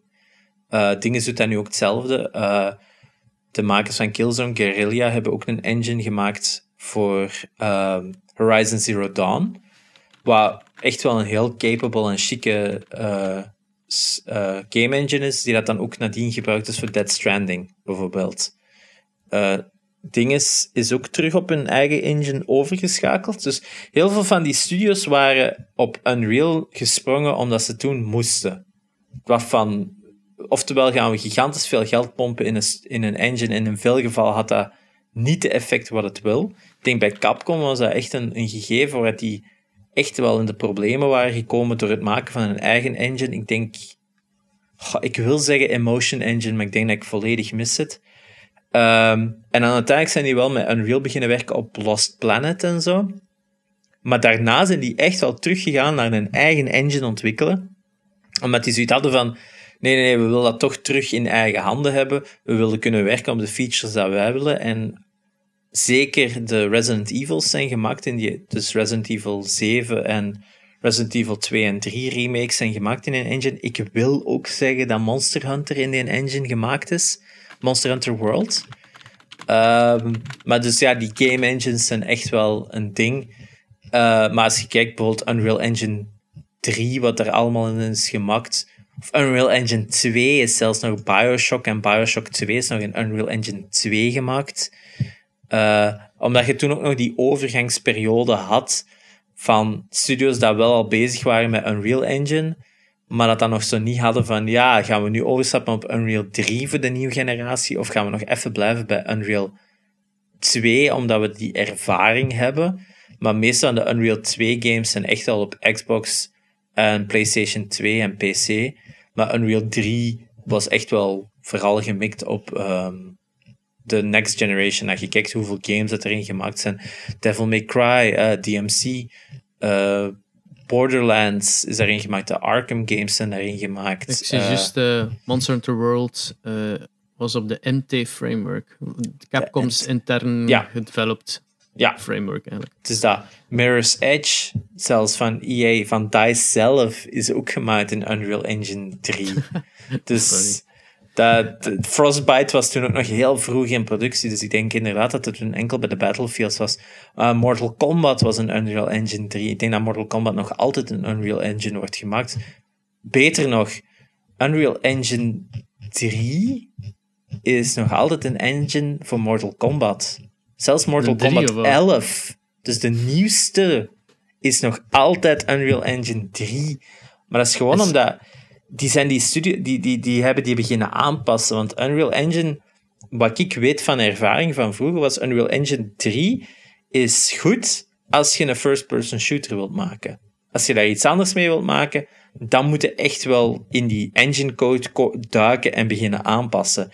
En ik weet, bij Arkham hebben ze dat gedaan, voor die naar de volgende generatie te komen. En ik denk echt wel dat er wel een collaboration is bij Warner Brothers Studios. En dat dat dan terugkomt naar NetherRealm Studios, dat dat ook onder Warner- Bros. zit, dat die ervaring wel gedeeld wordt om dus de Unreal Engine 3 engine om te vormen naar iets waar dat ze zelf mee capable zijn. En als je kijkt naar, Unreal, naar Mortal Kombat 11, die facial animations, ja, dat is, dat is, dat is verder dan welk game dat er is, vind ik. Dat is insane Maar- hoe goed dat die gezichten zijn. Ehm, was dat niet... Wacht, jij hebt, jij hebt niet meer we- meegewerkt aan Wolf, zeker? Hè, Nee, ik heb niet meer aan Wolf gewerkt. Maar inderdaad, Maar jij zei- Wolf heeft, eh, is ook gemaakt in Unreal Engine 3. Dus dat is een Belgische game van Grin. Dat in Unreal Engine 3 is gekomen. En ik weet van Wim, de, de baas van eh Grin, die heeft ook gezegd van ja, op dat moment was dat zo handig met hoe little effort dat je een game super schoon kon krijgen en, perform en, en draaiend. Maar je zegt ook in retrospect dat ik echt gewoon in Unity moeten blijven.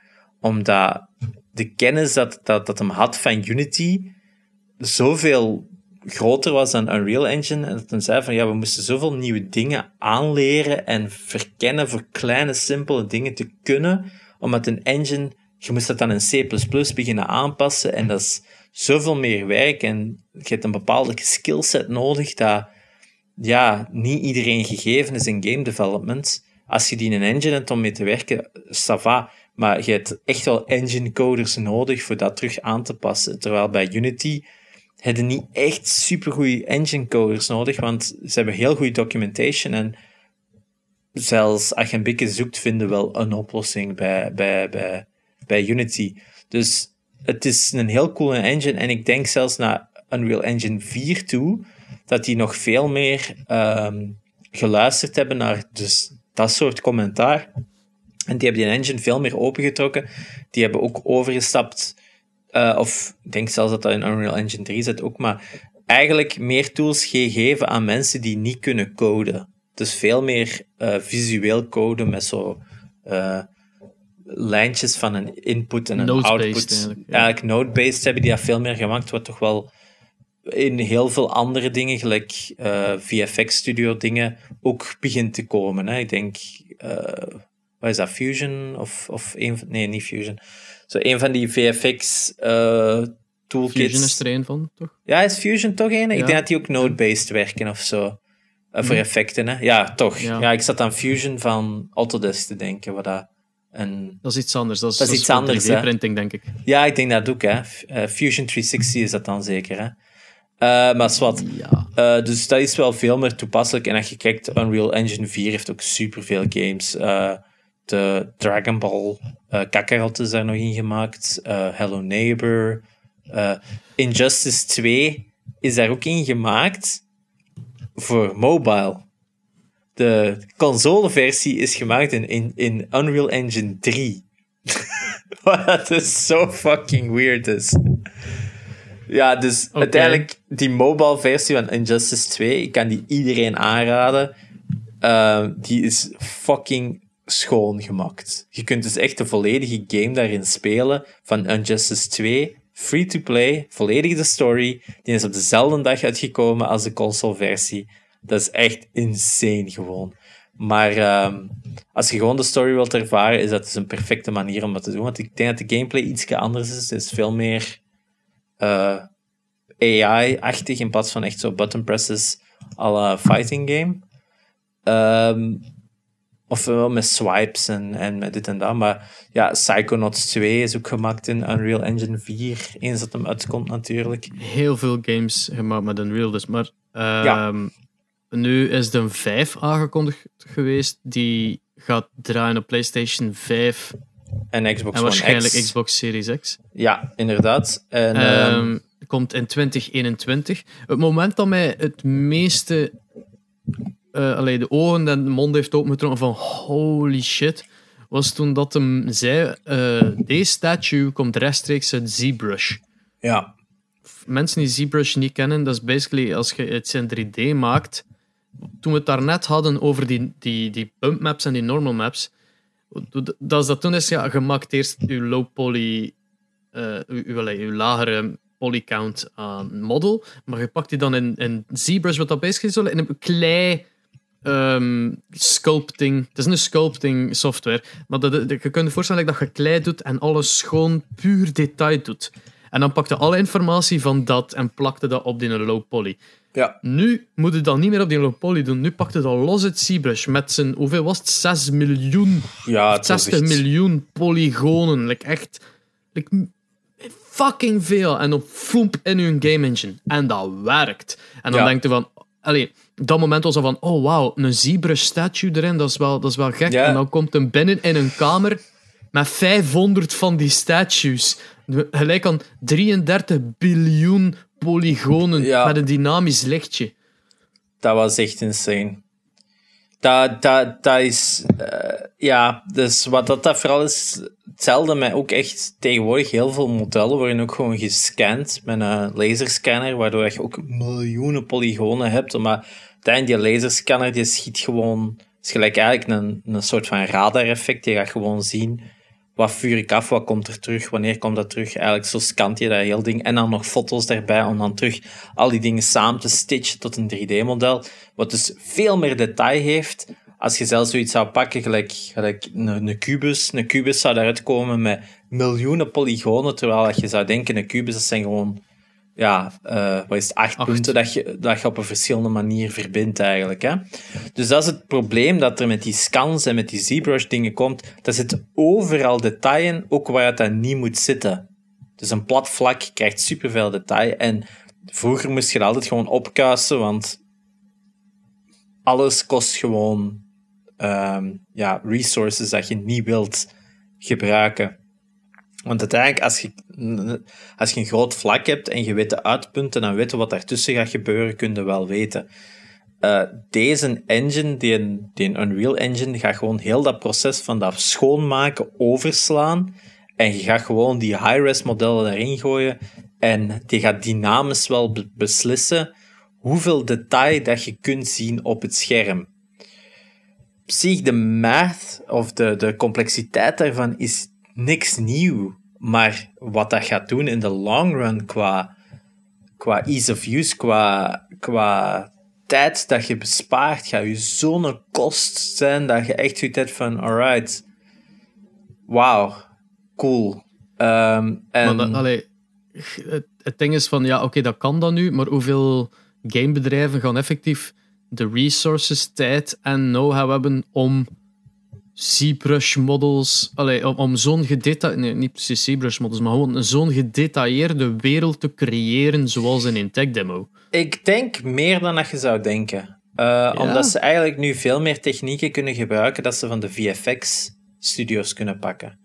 Dus uiteindelijk... Ah, ja, zo van die randomized environments eigenlijk. Yep, ja, yep, yep, yep, yep. Dus die, de, de, de engine creators dat je had van... Uh, dus pakt weg, als je kijkt naar uh, een avatar of zo, waar al die werelden genereert zijn. Het is niet allemaal met de hand geboetseerd. Er is heel veel gewoon ingevuld in een computer, door een AI, dat al die dingen invult. En de AI-technology op vlak van CG of op vlak van 3D is echt al zo advanced dat je echt wel... Ik heb al zo dingen gezien van, hier is een hele slaapkamer. En je ziet zo'n slaapkamer uh, in 80s-style met een console, met posters, met allemaal van die dingen. En die zeggen van ja, dat is volledig gemaakt door een AI-engine. We hebben gewoon ingetipt bedroom 1980s en die heeft al die props in 3D daarin gezet. En dan gaat er van, wait, what the fuck? dus uh, die technologie op vlak van AI gaat dat super makkelijk maken. Dat ze zeggen van ja, we willen een rotformatie. Wat? Je moet altijd de assets hebben, natuurlijk. Het is dat, maar de foto, foto assets en allemaal van dat soort dingen gaan terug meer bruikbaar zijn uh, in dat proces. En ik denk inderdaad, gelijk fotoscans en 3D-scans gebeuren al. Maar dat allemaal kunnen samenzetten en in die world random of die world generation software dat ook bestaat, dat ze veel meer daarvan gaan kunnen gebruiken en minder moeten nadenken. Natuurlijk, randomization en generation is maar zo goed als de imperfecties. En daar zit natuurlijk de key is nog altijd, je moet nog iets meegeven waardoor het dat goed is. Je kunt een hele coole environment maken, maar dat maakt daar, door gewoon op een knop te drukken en een computer spuwt dat uit. Dat betekent daarom niet dat dat leuk is. Um, daar zit nog veel andere processen bij. Maar ik denk, als je kijkt naar de technologieën gebruikt, bijvoorbeeld in Assassin's Creed Odyssey, voor die environments te maken, daar zit heel veel van die technieken in. En heel veel van die technieken hebben dan ook wel nodig geweest voor dat allemaal te optimaliseren en eigenlijk gewoon iets meer vriendelijk te maken voor de, huidige, voor de huidige systemen. En dat zou in dit verhaal minder nodig zijn. Dus ik denk dat dan games maken nog sneller gaat kunnen gebeuren. Uh, dat is mijn gok natuurlijk. Het, langs de ene kant kost het, gaan ze veel meer in detail moeten steken, maar bijvoorbeeld zoals dat je zegt van ja, in ZBrush maakt modellen. Tegenwoordig is het niet van, je begint van een low poly model en je, gaat en je begint dat aan te passen in ZBrush. De ZBrush artists zijn al zo, zo uh, ervaren genoeg dat die gewoon vanuit die klei en bol beginnen en vandaar een karakter te beginnen maken. En als die daar nu geen tussenproces meer moeten indoen, uh, ja, dan bespaar je die super veel tijd. Hè. Zodat er nog zot gaat worden dan skinning. Skinning. Ja. ja, dus daar zitten ook al zoveel automated systems in.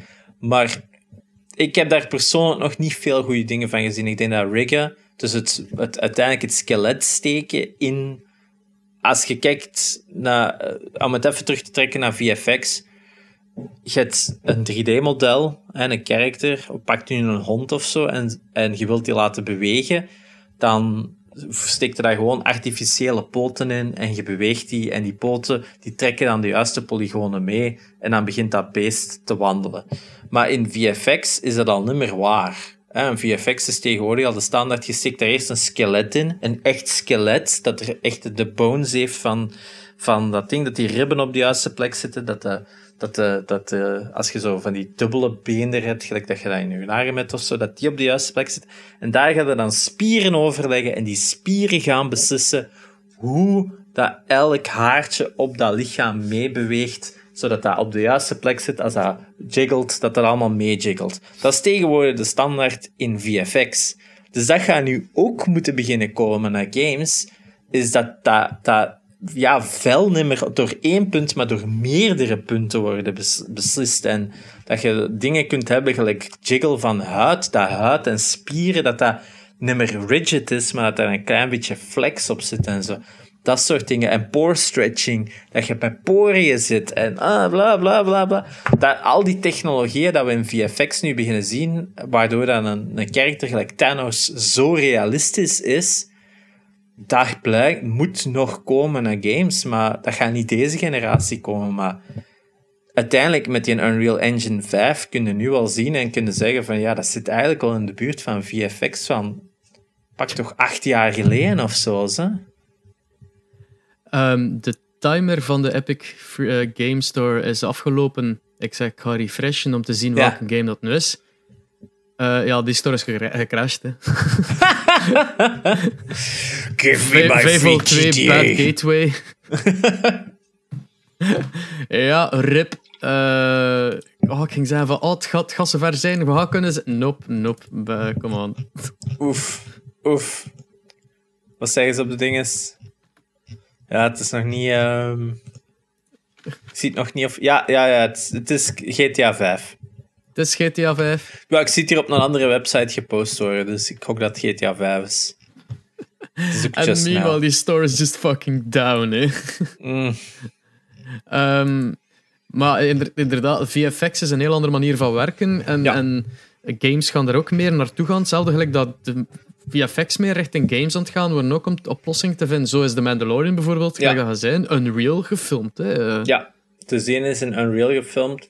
Uh, heel clevere techniek. Uh, Dus wat ze hebben gedaan is, ze hebben dus een set gebouwd. Hè. Stelt u een, een schijf voor, waarop die acteurs aan het spelen zijn. En daar rond hebben ze gewoon een gigantisch scherm, een gigantisch LED-scherm gezet. En daarboven ook.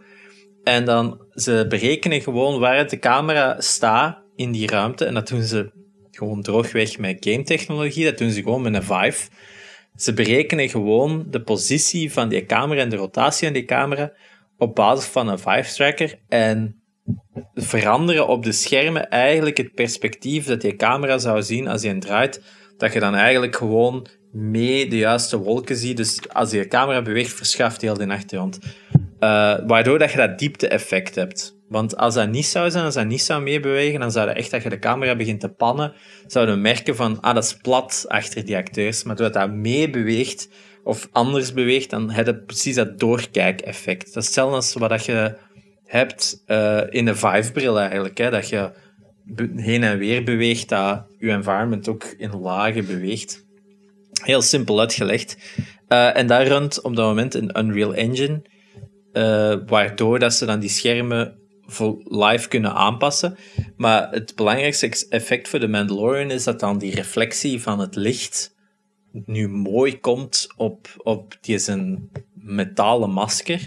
Terwijl in het verleden, ja, reflective surfaces of glas, of bijvoorbeeld een glas drinken of zo, dat dat eigenlijk groene reflecties had, omdat dat op een green key gefilmd was. Dus dan moest die VFX-artists overal dat groen zelfs manueel uit dat glas halen en iets nieuw van een reflectie daarin stoppen. Dat is nu niet meer nodig. Dus die technologie helpen elkaar echt wel vooruit. Ehm, en een van de belangrijkste technieken van wat is nu het verschil tussen een VFX, waarom kan VFX er zoveel beter uitzien dan een game technologie? Dat is eigenlijk omwille van dat die twee verschillende methodes van 3D graphics doen. Uh, de VFX doen met raytracing en um, games doen met scanline rasterization. En daar zit een groot verschil in de manier dat dat aanpakt, want raytracing om dat 30 frames per second te doen, want een game moet natuurlijk ja, 30 frames, maar tegenwoordig eigenlijk al 60 frames per seconde updaten. Dus eigenlijk elke seconde, 60 seconden moet een nieuw beeld gegenereerd worden. Maar um, het grote probleem dat erbij zit is natuurlijk, ja, alles wordt groter en groter. Alles wordt gedetailleerder en gedetailleerder. En ja, een rasterization, het is lang geleden dat ik het allemaal geleerd heb, dus please excuse me if I make any mistakes. Maar rasterization, wat dat eigenlijk gaat doen, is dat gaat gewoon kijken, uh, dat gaat gewoon kijken naar je scherm, dat gaat kijken naar wat is er in het view spectrum, dus wat zou je camera moeten zien, en rendert al die objecten in view, en dan gaat je daar een 2D-representatie van maken. Dus je gaat eigenlijk al die 3D-modellen kijken, je gaat zien van, ah ja, jij zei dat soort materiaal, dus jij pakt zoveel licht, of je hebt die textuur, of je hebt een bump map, en je gaat al die 3D-modellen pakken en in dat view spectrum, en dan gaat je daar een 2D-representatie van maken. Het probleem dat daar natuurlijk bij zit, is als een ander object voor een ander object staat, dan moet jij mijn gezicht niet meer tekenen, bijvoorbeeld omdat er een object voor staat. Maar in de, in de in dat view spectrum, ook al wat er niet zichtbaar is, waardoor dat je veel meer aan het renderen bent. Nu, nieuwere engines kunnen al wel beter berekenen wat is zichtbaar, wat is niet zichtbaar. Um, en daarmee komt heel veel van dat in het aspect. Maar je moet veel meer extra informatie renderen dat je eigenlijk niet nodig hebt om je beeld zo compleet en zo volledig mogelijk te maken. En een helft daarvan is gewoon super fake gedaan. Bijvoorbeeld licht is super fake, reflecties zijn mega fake, uh, omdat dat gewoon niet gaat. Of dat is zo complex om een juiste reflectie te maken volgens die techniek, omdat je dan nog meer moet renderen op een andere plaats. Maar dat is op een volledig andere techniek. Dus veel pakken gewoon, hier is een image en dat gaat die reflectie zijn. Physics-based lighting bijvoorbeeld, licht wordt eigenlijk altijd vanuit een punt berekend. Bounced light gaat eigenlijk nooit echt gebeuren, want dat is dan weer een extra proces. Maar een grote verandering dat erin zit is je de techniek van VFX, wat dat raycasting is. En raycasting is eigenlijk heel simpel uitgelegd. Uh, in plaats van alles te renderen en daarvan een 2D-beeld te maken, berekenen die gewoon Dus stel je voor dat je eh, een ruitjespapier hebt en op elk puntje, dus waar dat de twee lijnen voortkomt, dat zou een pixel zijn. En die gaat dan kijken en die schiet gewoon een ray recht door je scène, in je 3D-scène. Dus eigenlijk gewoon echt, stel je voor, een licht, een, een punt, en dat schiet tegen een oppervlakte, en dan gaat hij kijken, ah, dat is dat oppervlakte. Welke kleur heeft die? Ah, dat is dat. En dan gaat hij berekenen, ah ja, vanuit dat perspectief schiet ik dan weg. En dan gaat dat naar iets anders. En dat is eigenlijk gelijk hoe dat licht echt werkt. Licht werkt vanuit een punt, een zon of een, of een lamp, en dat schiet eigenlijk allemaal light rays af. Tegen 300.000 km per seconde verschijnen er lichtgolven en die bouncen van iets af en dan rewerkaatsen die in uw oog. Dus als je bijvoorbeeld kijkt naar een object dat voor je ligt op dit moment, je kijkt niet naar de kleur ervan, maar je kijkt eigenlijk naar het licht dat afketst en dat gaat in je oog. En met je kegeltjes in je oog ga je definiëren, ah, dat is blauw, of dat is rood, of whatever. En een raycast techniek doet het omgekeerde. Die vertrekt vanuit je oog, schiet op een oppervlakte, die pakt die properties van dat object, maar dan gaat hij berekenen van, oké, maar die raycast, die komt van, die gaat dan gewoon berekenen, ah, die, met die, dat is zo rond, dus het licht moet dan zo daaraf schieten onder een andere hoek. Ah, dat vliegt daar tegen het raam. Oké, dan gaat dat verder, dus dan zou dat al zoveel procent... Die gaat eigenlijk omgekeerd berekenen hoeveel licht dat er van dat object afkomt. Is het nog duidelijk? Ja, alleen voor mij wel. Maar. Ja, maar dus uiteindelijk dat is een heel ander proces, maar het voordeel dat ervan zit is, je moet niet meer tekenen dan wat je nodig hebt. Als je op die ene polygoon zit, dan ga je van die andere polygoon naar een andere polygoon. Je pakt eigenlijk alle informatie dat er vanaf dat punt uh, beschikbaar is. Plaats van bij een rasterizing moet je eigenlijk alles pakken en daarvan vertrekken is een, een raycast eigenlijk veel intensiever, omdat je veel meer informatie kunt hebben, maar je moet wel heel dat proces van die raycasting, van die lijnen, dat reflecteren, meepakken voor het juist mogelijke effect te hebben. En dat is al een techniek die heel oud is. Zelfs eh, een techniek van de jaren 60 is al geschreven, als ik me niet vergis. En zelfs daarvoor is dat eigenlijk nog een oudere techniek. Uh, oh nee, rasterizing is zelfs een, een, techniek van de 1800s. Want dat is eigenlijk een techniek, dus dat terug te brengen naar de ander, is van je hebt een, een grid met nummertjes, dus dat ruitjespapier, en je zet een raam met alle, ook een ruitjespatroon op, en dan zie je ah, dat komt op die plaats, dus dan moet dat op die plaats komen. Dan zag je dat zo copy-paste, gelijk dat je zo vroeger van die tekeningen had, dat je zo een tekening zag in een, in een, in een vensterke, en dan was er een leeg vensterke naast, en je moest dat tekenen, en je kon dat dan perfect tekenen als je eigenlijk keek naar die intersecties van waar dat welk punt was het. Dat is eigenlijk rasterization een beetje. Hè? Maar uh, om het terug te trekken naar het VFX-verhaal, we zitten nu op dat crossover point dat we zoveel detail en informatie hebben in die 3D-modellen om het goed te maken. En rasterization gaat al die informatie pakken, ook al is dat minuscuul en ziet je dat niet.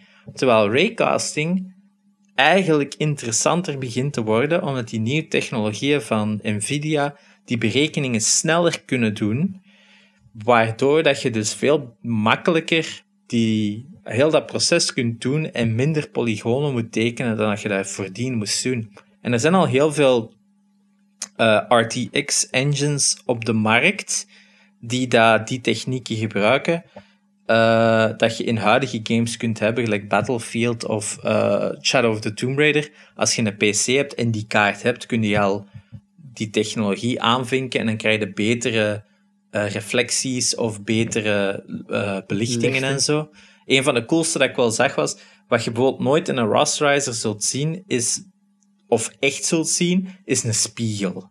Een spiegel is iets dat, dat, dat, dat, dat, dat is zo intensief om te doen. Uh, veel games, als ze een spiegel hadden, of een reflectieve grond of zo, wat die eigenlijk altijd deed, was die pakte gewoon dezelfde scène en die, die zetten alles gewoon gespiegeld achter die spiegel en dan mimikte die gewoon uw positie maar eigenlijk was dat gewoon twee keer exact dezelfde ruimte. Dat je gewoon door een glas effect naar keek. Dat was eigenlijk gewoon de simpelste techniek om reflectie te doen. Was gewoon teken het twee keer, maar je spiegelt gewoon het één object. En dat staat er gewoon altijd. Dus als je door de spiegel zou lopen, dan zit je gewoon in exact dezelfde ruimte. Gewoon gespiegeld. dat, is, dat is de makkelijkste techniek. Duke Nukem deed dat zo. Ik denk Mario 64 doet dat ook zo. Op een gegeven moment had ook zo'n spiegelruimte, als ik me niet vergis. Maar een van de technieken dat je dus nooit zou zien, is een spiegel op een spiegel. En dat je zo daarin kijkt, dat je zo dat infinity effect hebt van spiegels. Ja. Die een RTX kan dat. Dus ik heb echt zo'n demo gezien dat die ook zo tussen twee spiegels staan en die spiegel gaat gewoon tot in de oneindigheid, blijft die gereflecteerd worden. Dat is super cool om te zien. Hè? Dat is zo weer zo een stapje dichter naar, de, naar, de, naar het echte. Ik heb Eh, eh, Minecraft in ray- met Ja. raytracing gezien. Dat ziet er ook ongelooflijk mooi uit. eigenlijk. Ja, dus Quake 2 is denk ik ook gemaakt. Eh, hebben ze nu ook een RTX-mode van gemaakt. Dus dat je ook Quake 2 kunt spelen in ehm raytracing. Waardoor dat dan al dat licht, dat, dat is veel natuurlijker. Hè? Dat, dat, heeft, ja, dat heeft sources, dat heeft limieten. Dat is, dat is niet zo ja, gefaked gelijk dat echt is. Eh, nu moet ik er wel bij zeggen de Unreal 5 engine is nog altijd wel met de techniek van rasterizing. Dus nog altijd wel met voornamelijk klassieke technieken op het licht na.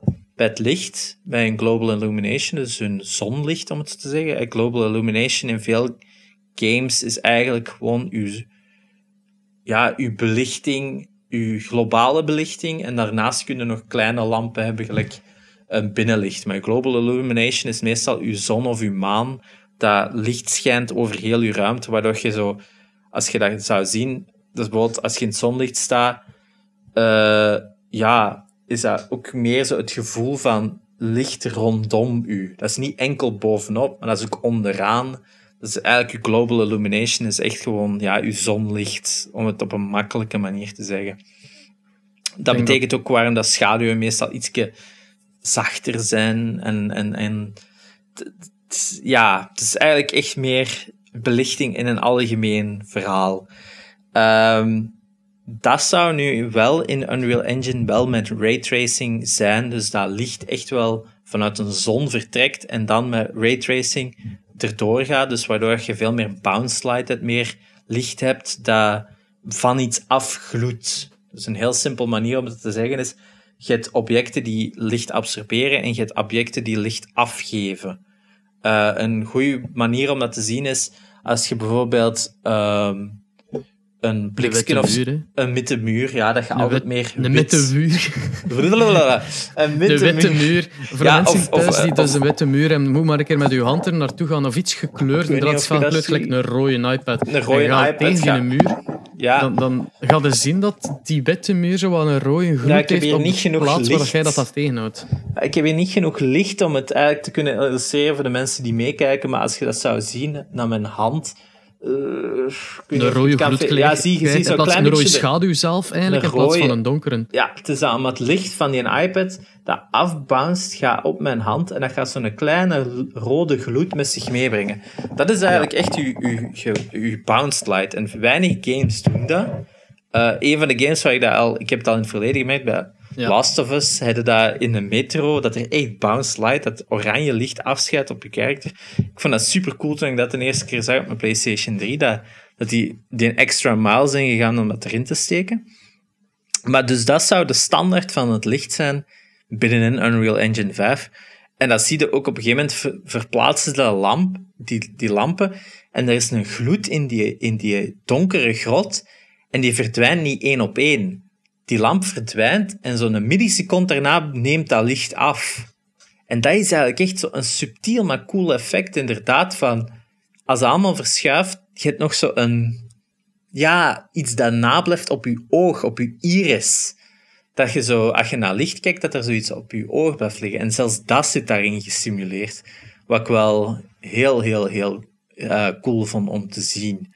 Dus ehm, het belooft wel wat te zijn, eh, de volgende generatie, qua techniek, als iedereen ze begint toe te passen. Maar het voordeel met een engine gelijk Unreal 5 is dat ze het de tool ge- tools geven vrijwel elke studio om gewoon te gebruiken. Ehm, en die, die tech-demo was indrukwekkend om te laten zien van kijk eens, we zijn toch echt wel ergens naartoe aan het gaan. dat ehm, vrij realistisch kan beginnen worden. Ja, ik weet nog dat, dat ik zo zei van toen dat PlayStation 4 graphics met Uncharted zo, al zo zot waren in Last of Us, allee, zelfs de remastered, dat, allee, dat je zo op den duur bij afvragen van het kan toch niet, allee, het verschil tussen iedere console kan toch niet iedere keer zo groot blijven zoals het was tussen Ja. 1 en 2, 2 en 3, 3 en 4. En nu zien we dit en ze, dit gaat opnieuw gebeuren. Hè? Het gaat Ja. een opmerkelijke fucking change zijn. Ja, en ik denk dat deze... En veel mensen zitten altijd te zeggen van ja, PC Master Race, PC loopt voor. En dat is ook wel.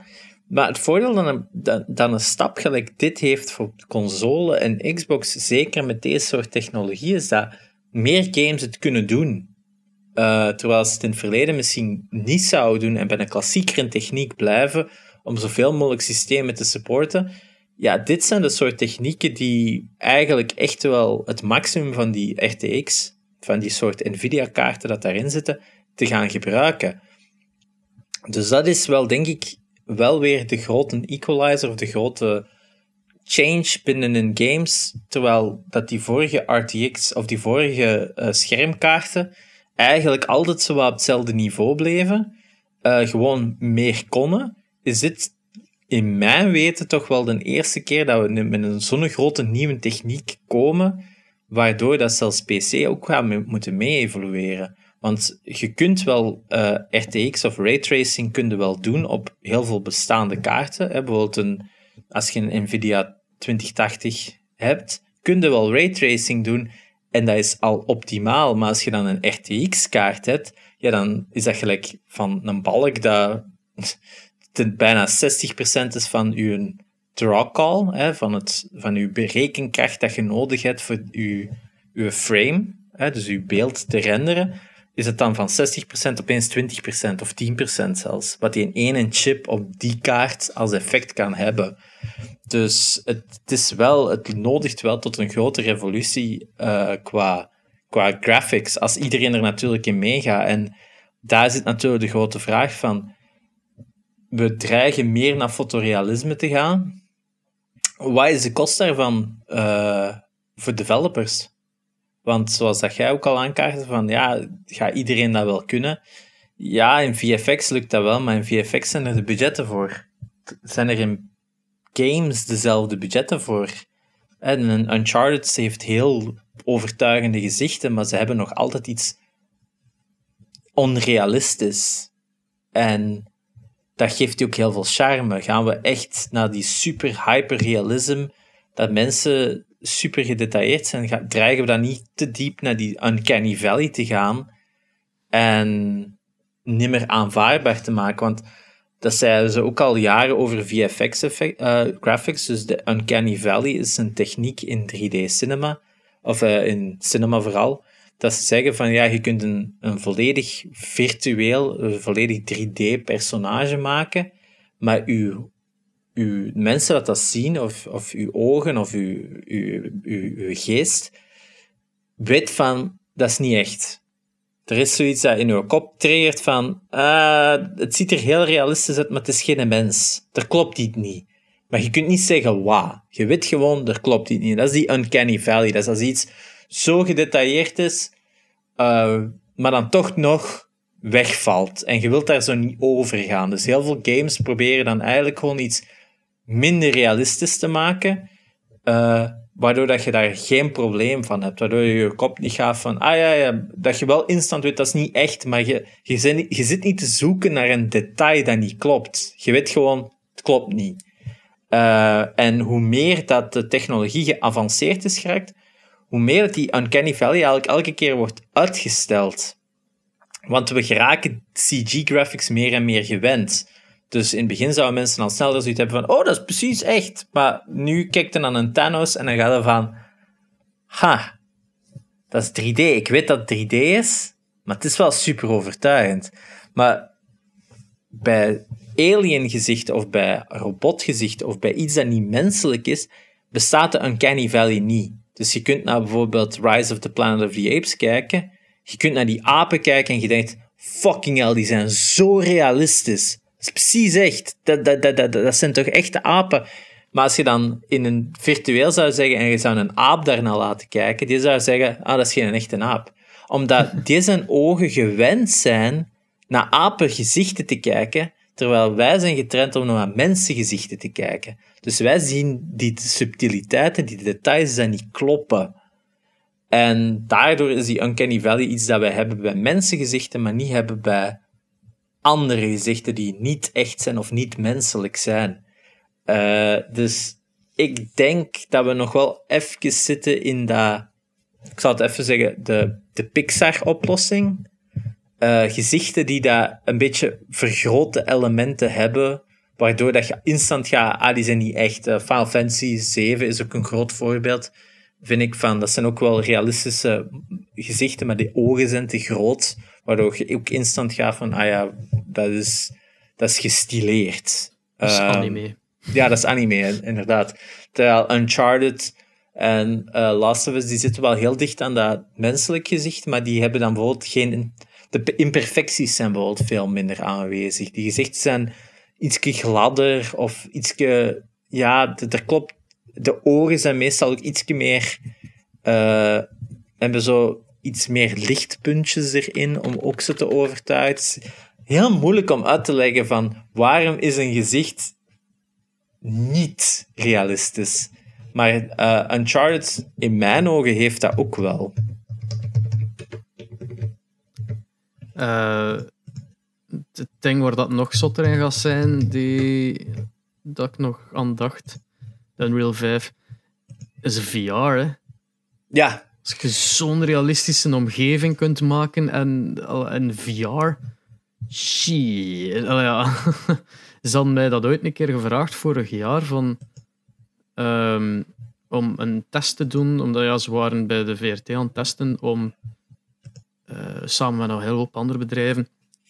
Hoe werkt storytelling in movies en series in VR? Dat is, dat is totaal nog niet in toepassing, maar we willen wel voorbereid zijn als dat er is. Van wat zijn de mogelijkheden? Wat als iedereen een VR-set heeft en er kan ook entertainment gebracht worden via dat? Hoe kunnen een film brengen in virtual reality, waar dat je constant de neiging hebt om rond te kijken en dus eventueel belangrijke plotpoints mist, of erger nog, belangrijke plotpoints dat je niet mocht zien, wel al ziet. Een whodunit bestaat niet in VR. Simpelweg omdat als je in een film een, een, shot hebt waar dat iemand in de schaduw of, of gewoon iemand neervalt, dan kun in VR gewoon omdraaien en ah ja, het is een butler. Allee, dus, dus daar was zo'n onderzoek naar gedaan. En ze, zei, ze wouden tegelijkertijd ook de capaciteiten van hun van webplayers en zo testen. Dus vroegen ze van ja, we willen een 3D-scène met zoveel mogelijk detail. Ik zit nog niet... No, toen ik iets gemaakt heb, zat ik nowhere near de miljoenen polygonen dat zij nu in die Unreal 5 hebben getoond. Zo, what? Ja, ja, ja. Dus de, ik vraag me ook af voor VR wat daar een impact van gaat zijn. Omdat inderdaad bij VR is framerate belangrijker dan visuals. Omdat ja, als het niet draait aan een, aan een framerate dat goed ligt bij je ogen, gaat het gewoon misselijk worden. Omdat er, je brein kan dat niet aan, die, dat, dat, die discrepantie tussen wat het ziet en wat, wat je lichaam voelt. Dus framerate is heilig in VR. Dus ik ben inderdaad ook wel benieuwd, omdat vanuit een technisch standpunt is raycasting interessanter voor VR, omdat je dan inderdaad ook minder moet renderen als enkel wat er brood nodig is voor je ogen. Dus ik ben wel benieuwd wat dat gaat geven, maar ik vraag me, stel me ook ergens wel de vraag hoe belangrijk gaat VR zijn in de vijfde generatie, eh, in de PlayStation 5 generatie wat dat de achtste generatie is, denk ik. Uh, ik ken ze nummer van buiten.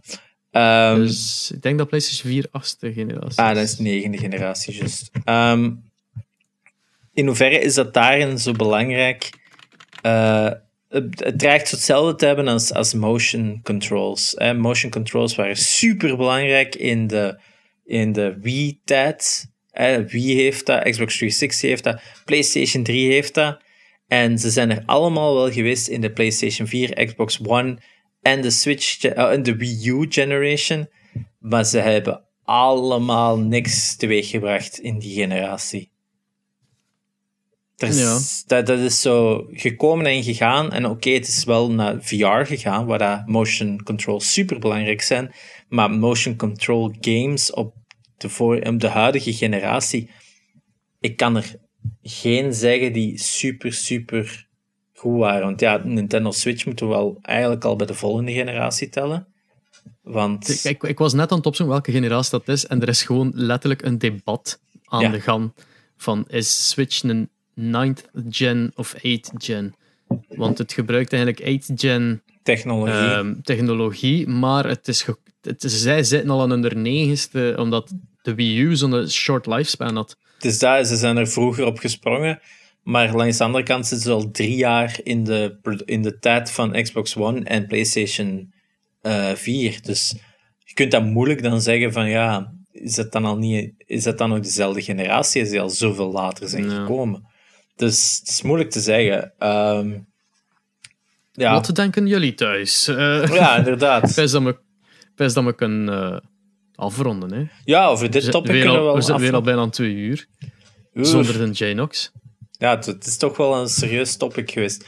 Eh, we kunnen nog afsluiten met wat dat we deze week gespeeld hebben. Hè? Ik heb, het ligt hier nog, eh, op de PlayStation 2 Wally, Disney Pixar's Wally gespeeld. Is fun, voor zover dat ik het speel. Er zit zo Tony Hawk Pro Skater elementen in, omdat je letterlijk zo ramps kunt doen en moet doen om, om eh, te traversen in de wereld. Oh, cool. Dus echt zo zitten met Wally halfpipes te doen en shit. Het enige dat je nog ontbreekt zijn tricks. Nice. Eh, dus dat heb ik gespeeld. En verder nog wat Warzone met de Naboo. En that's Ja. it. Ja, ik heb nu ook eindelijk Warzone zitten spelen. Dat had Eh, ik niet zien aankomen. Ja, toch wel wat vrienden en een klant van mij die in LA woont, die is, zat dat te spelen en zat al weken tegen mij. Come play this game, man. Come play this game. dus ja, ik had... Pressure. Ja, het is dat. Dus ik dacht van, weet je, is... Dat is- free. Het is free, het is een mens waar ik niet echt anders zo keiveel contact mee heb, dus dan is dat wel een handige manier om zo toch even wat contact te hebben. En ik moet wel zeggen, het is wel fun. Ik, het, het is, het is echt wel goed gemaakt. Holy shit, ja. Eh we spelen wel enkel PUBG Blood Money. gewoon zijt van, van type Battle Royale, waar dat alles houterig en lelijk is. En dan plotseling worden ze gedropt in een... Ja, dat. Waar Ja, dat alles zo vloeiend is, zo goed klinkt. En, ja, het is echt wel super zot. Eh, ja, ik heb enkel al Blood Money zitten spelen, omdat dat zo de mechanic is dat wel wat leukste vinden, omdat je niet de beste moet zijn in schieten of killen, al word ik daar wel stilletjes aan beter en beter in.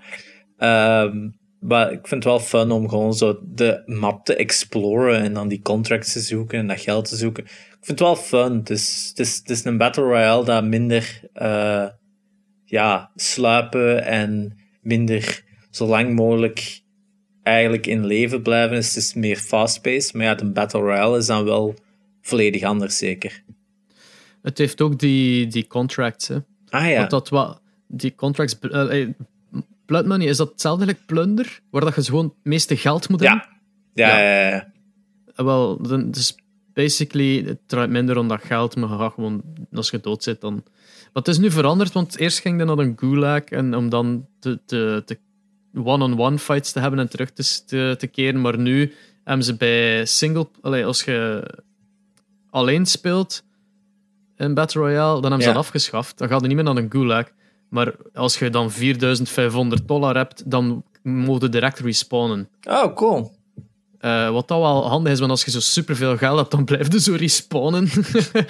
Eh, maar ja, ik vind Eén, respawnen in Battle Royale vind ik top, want ik ga Ja. anders veel te veel toch dood. Ehm, maar je hebt ook allemaal contracts om geld in te zamelen. En het, ja, het is gewoon... Het, het, het geeft daarmee een hele goede bezigheid om, om, ja, het is niet zomaar running simulator, try not to get shot en, en alle stress van oh my god, zou er hier een zitten of niet? En Ja. dan zit een camper om de hoek. Nee, het is echt, je hebt iets te doen. Het is traversen, ga snel, er zijn overal vehicles, er is een helikopter, weet wel. Oh, ja. Ja, er zit veel meer, er zit veel meer in om te kunnen doen, hè, ja. Nou, ik vind het echt wel fun. Ehm, daarnaast heb ik nog... Wat heb ik nog gespeeld? Eh, ik had Piku Niku eh, is gedownload. Eh, dat was zo ook een titel dat in de Xbox Game Pass zat. Was zo een ja, een beetje platform game. Het deed me heel erg denken aan Loco Roco. Qua atmosfeer en dingen. Humor zat wel goed. En je hebt het op een paar uur uitgespeeld. Uh, leuk spelletje wel. en daarnaast een beetje Final Fantasy 7 en een beetje Monster Hunter. gelijk altijd. Ik heb wel eindelijk tegen een Zinogre gevochten in Monster Hunter World. Ah. Het is wel vet. Hij is echt wel super cool gedaan. Uh, Zinogre, is dat in blauw? Dat is ineens zo met die bliksems en... Oh, uh, is zo goed. Dat is zo'n leuke fight. En ik moet zeggen, in Monster Hunter World is hem ook echt super fun om tegen te vechten. Dus ja, top game. Maar ze steken hem er wel laat in, want ik zit nu echt in de post-game waarin dat ze nu zo'n nieuw environment hebben gestopt, dat veel meer van de andere environments samengestitcht in ene grote. En daarin moeten dan andere monsters uh, gaan bevechten, om dan grotere monsters te kunnen uh, baiten.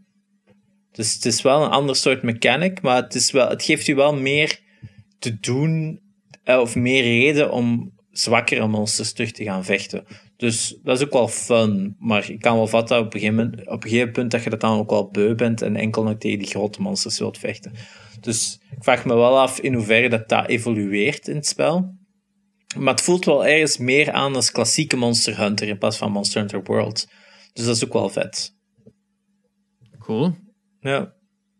Dus uh, ja, dat was het. Qua de, games, denk ik, voor mij. De riff is geraden geweest door Elias. Uh, en daarna direct door Auron. Uh, dit was vorige keer de Donkey Kong Country main theme. En deze week is het deze. Oh. Uh, ja, bedankt voor het kijken. Sorry dat een Genox er niet bij was. Volgende week zal hem er maar bij moeten zitten. Uh, Naakt. Ja. of anders mag je niet. Oh, wacht. Nee, hij mag wel. Dat is het hele punt. Alright, tot volgende week. Jo, tot volgende week.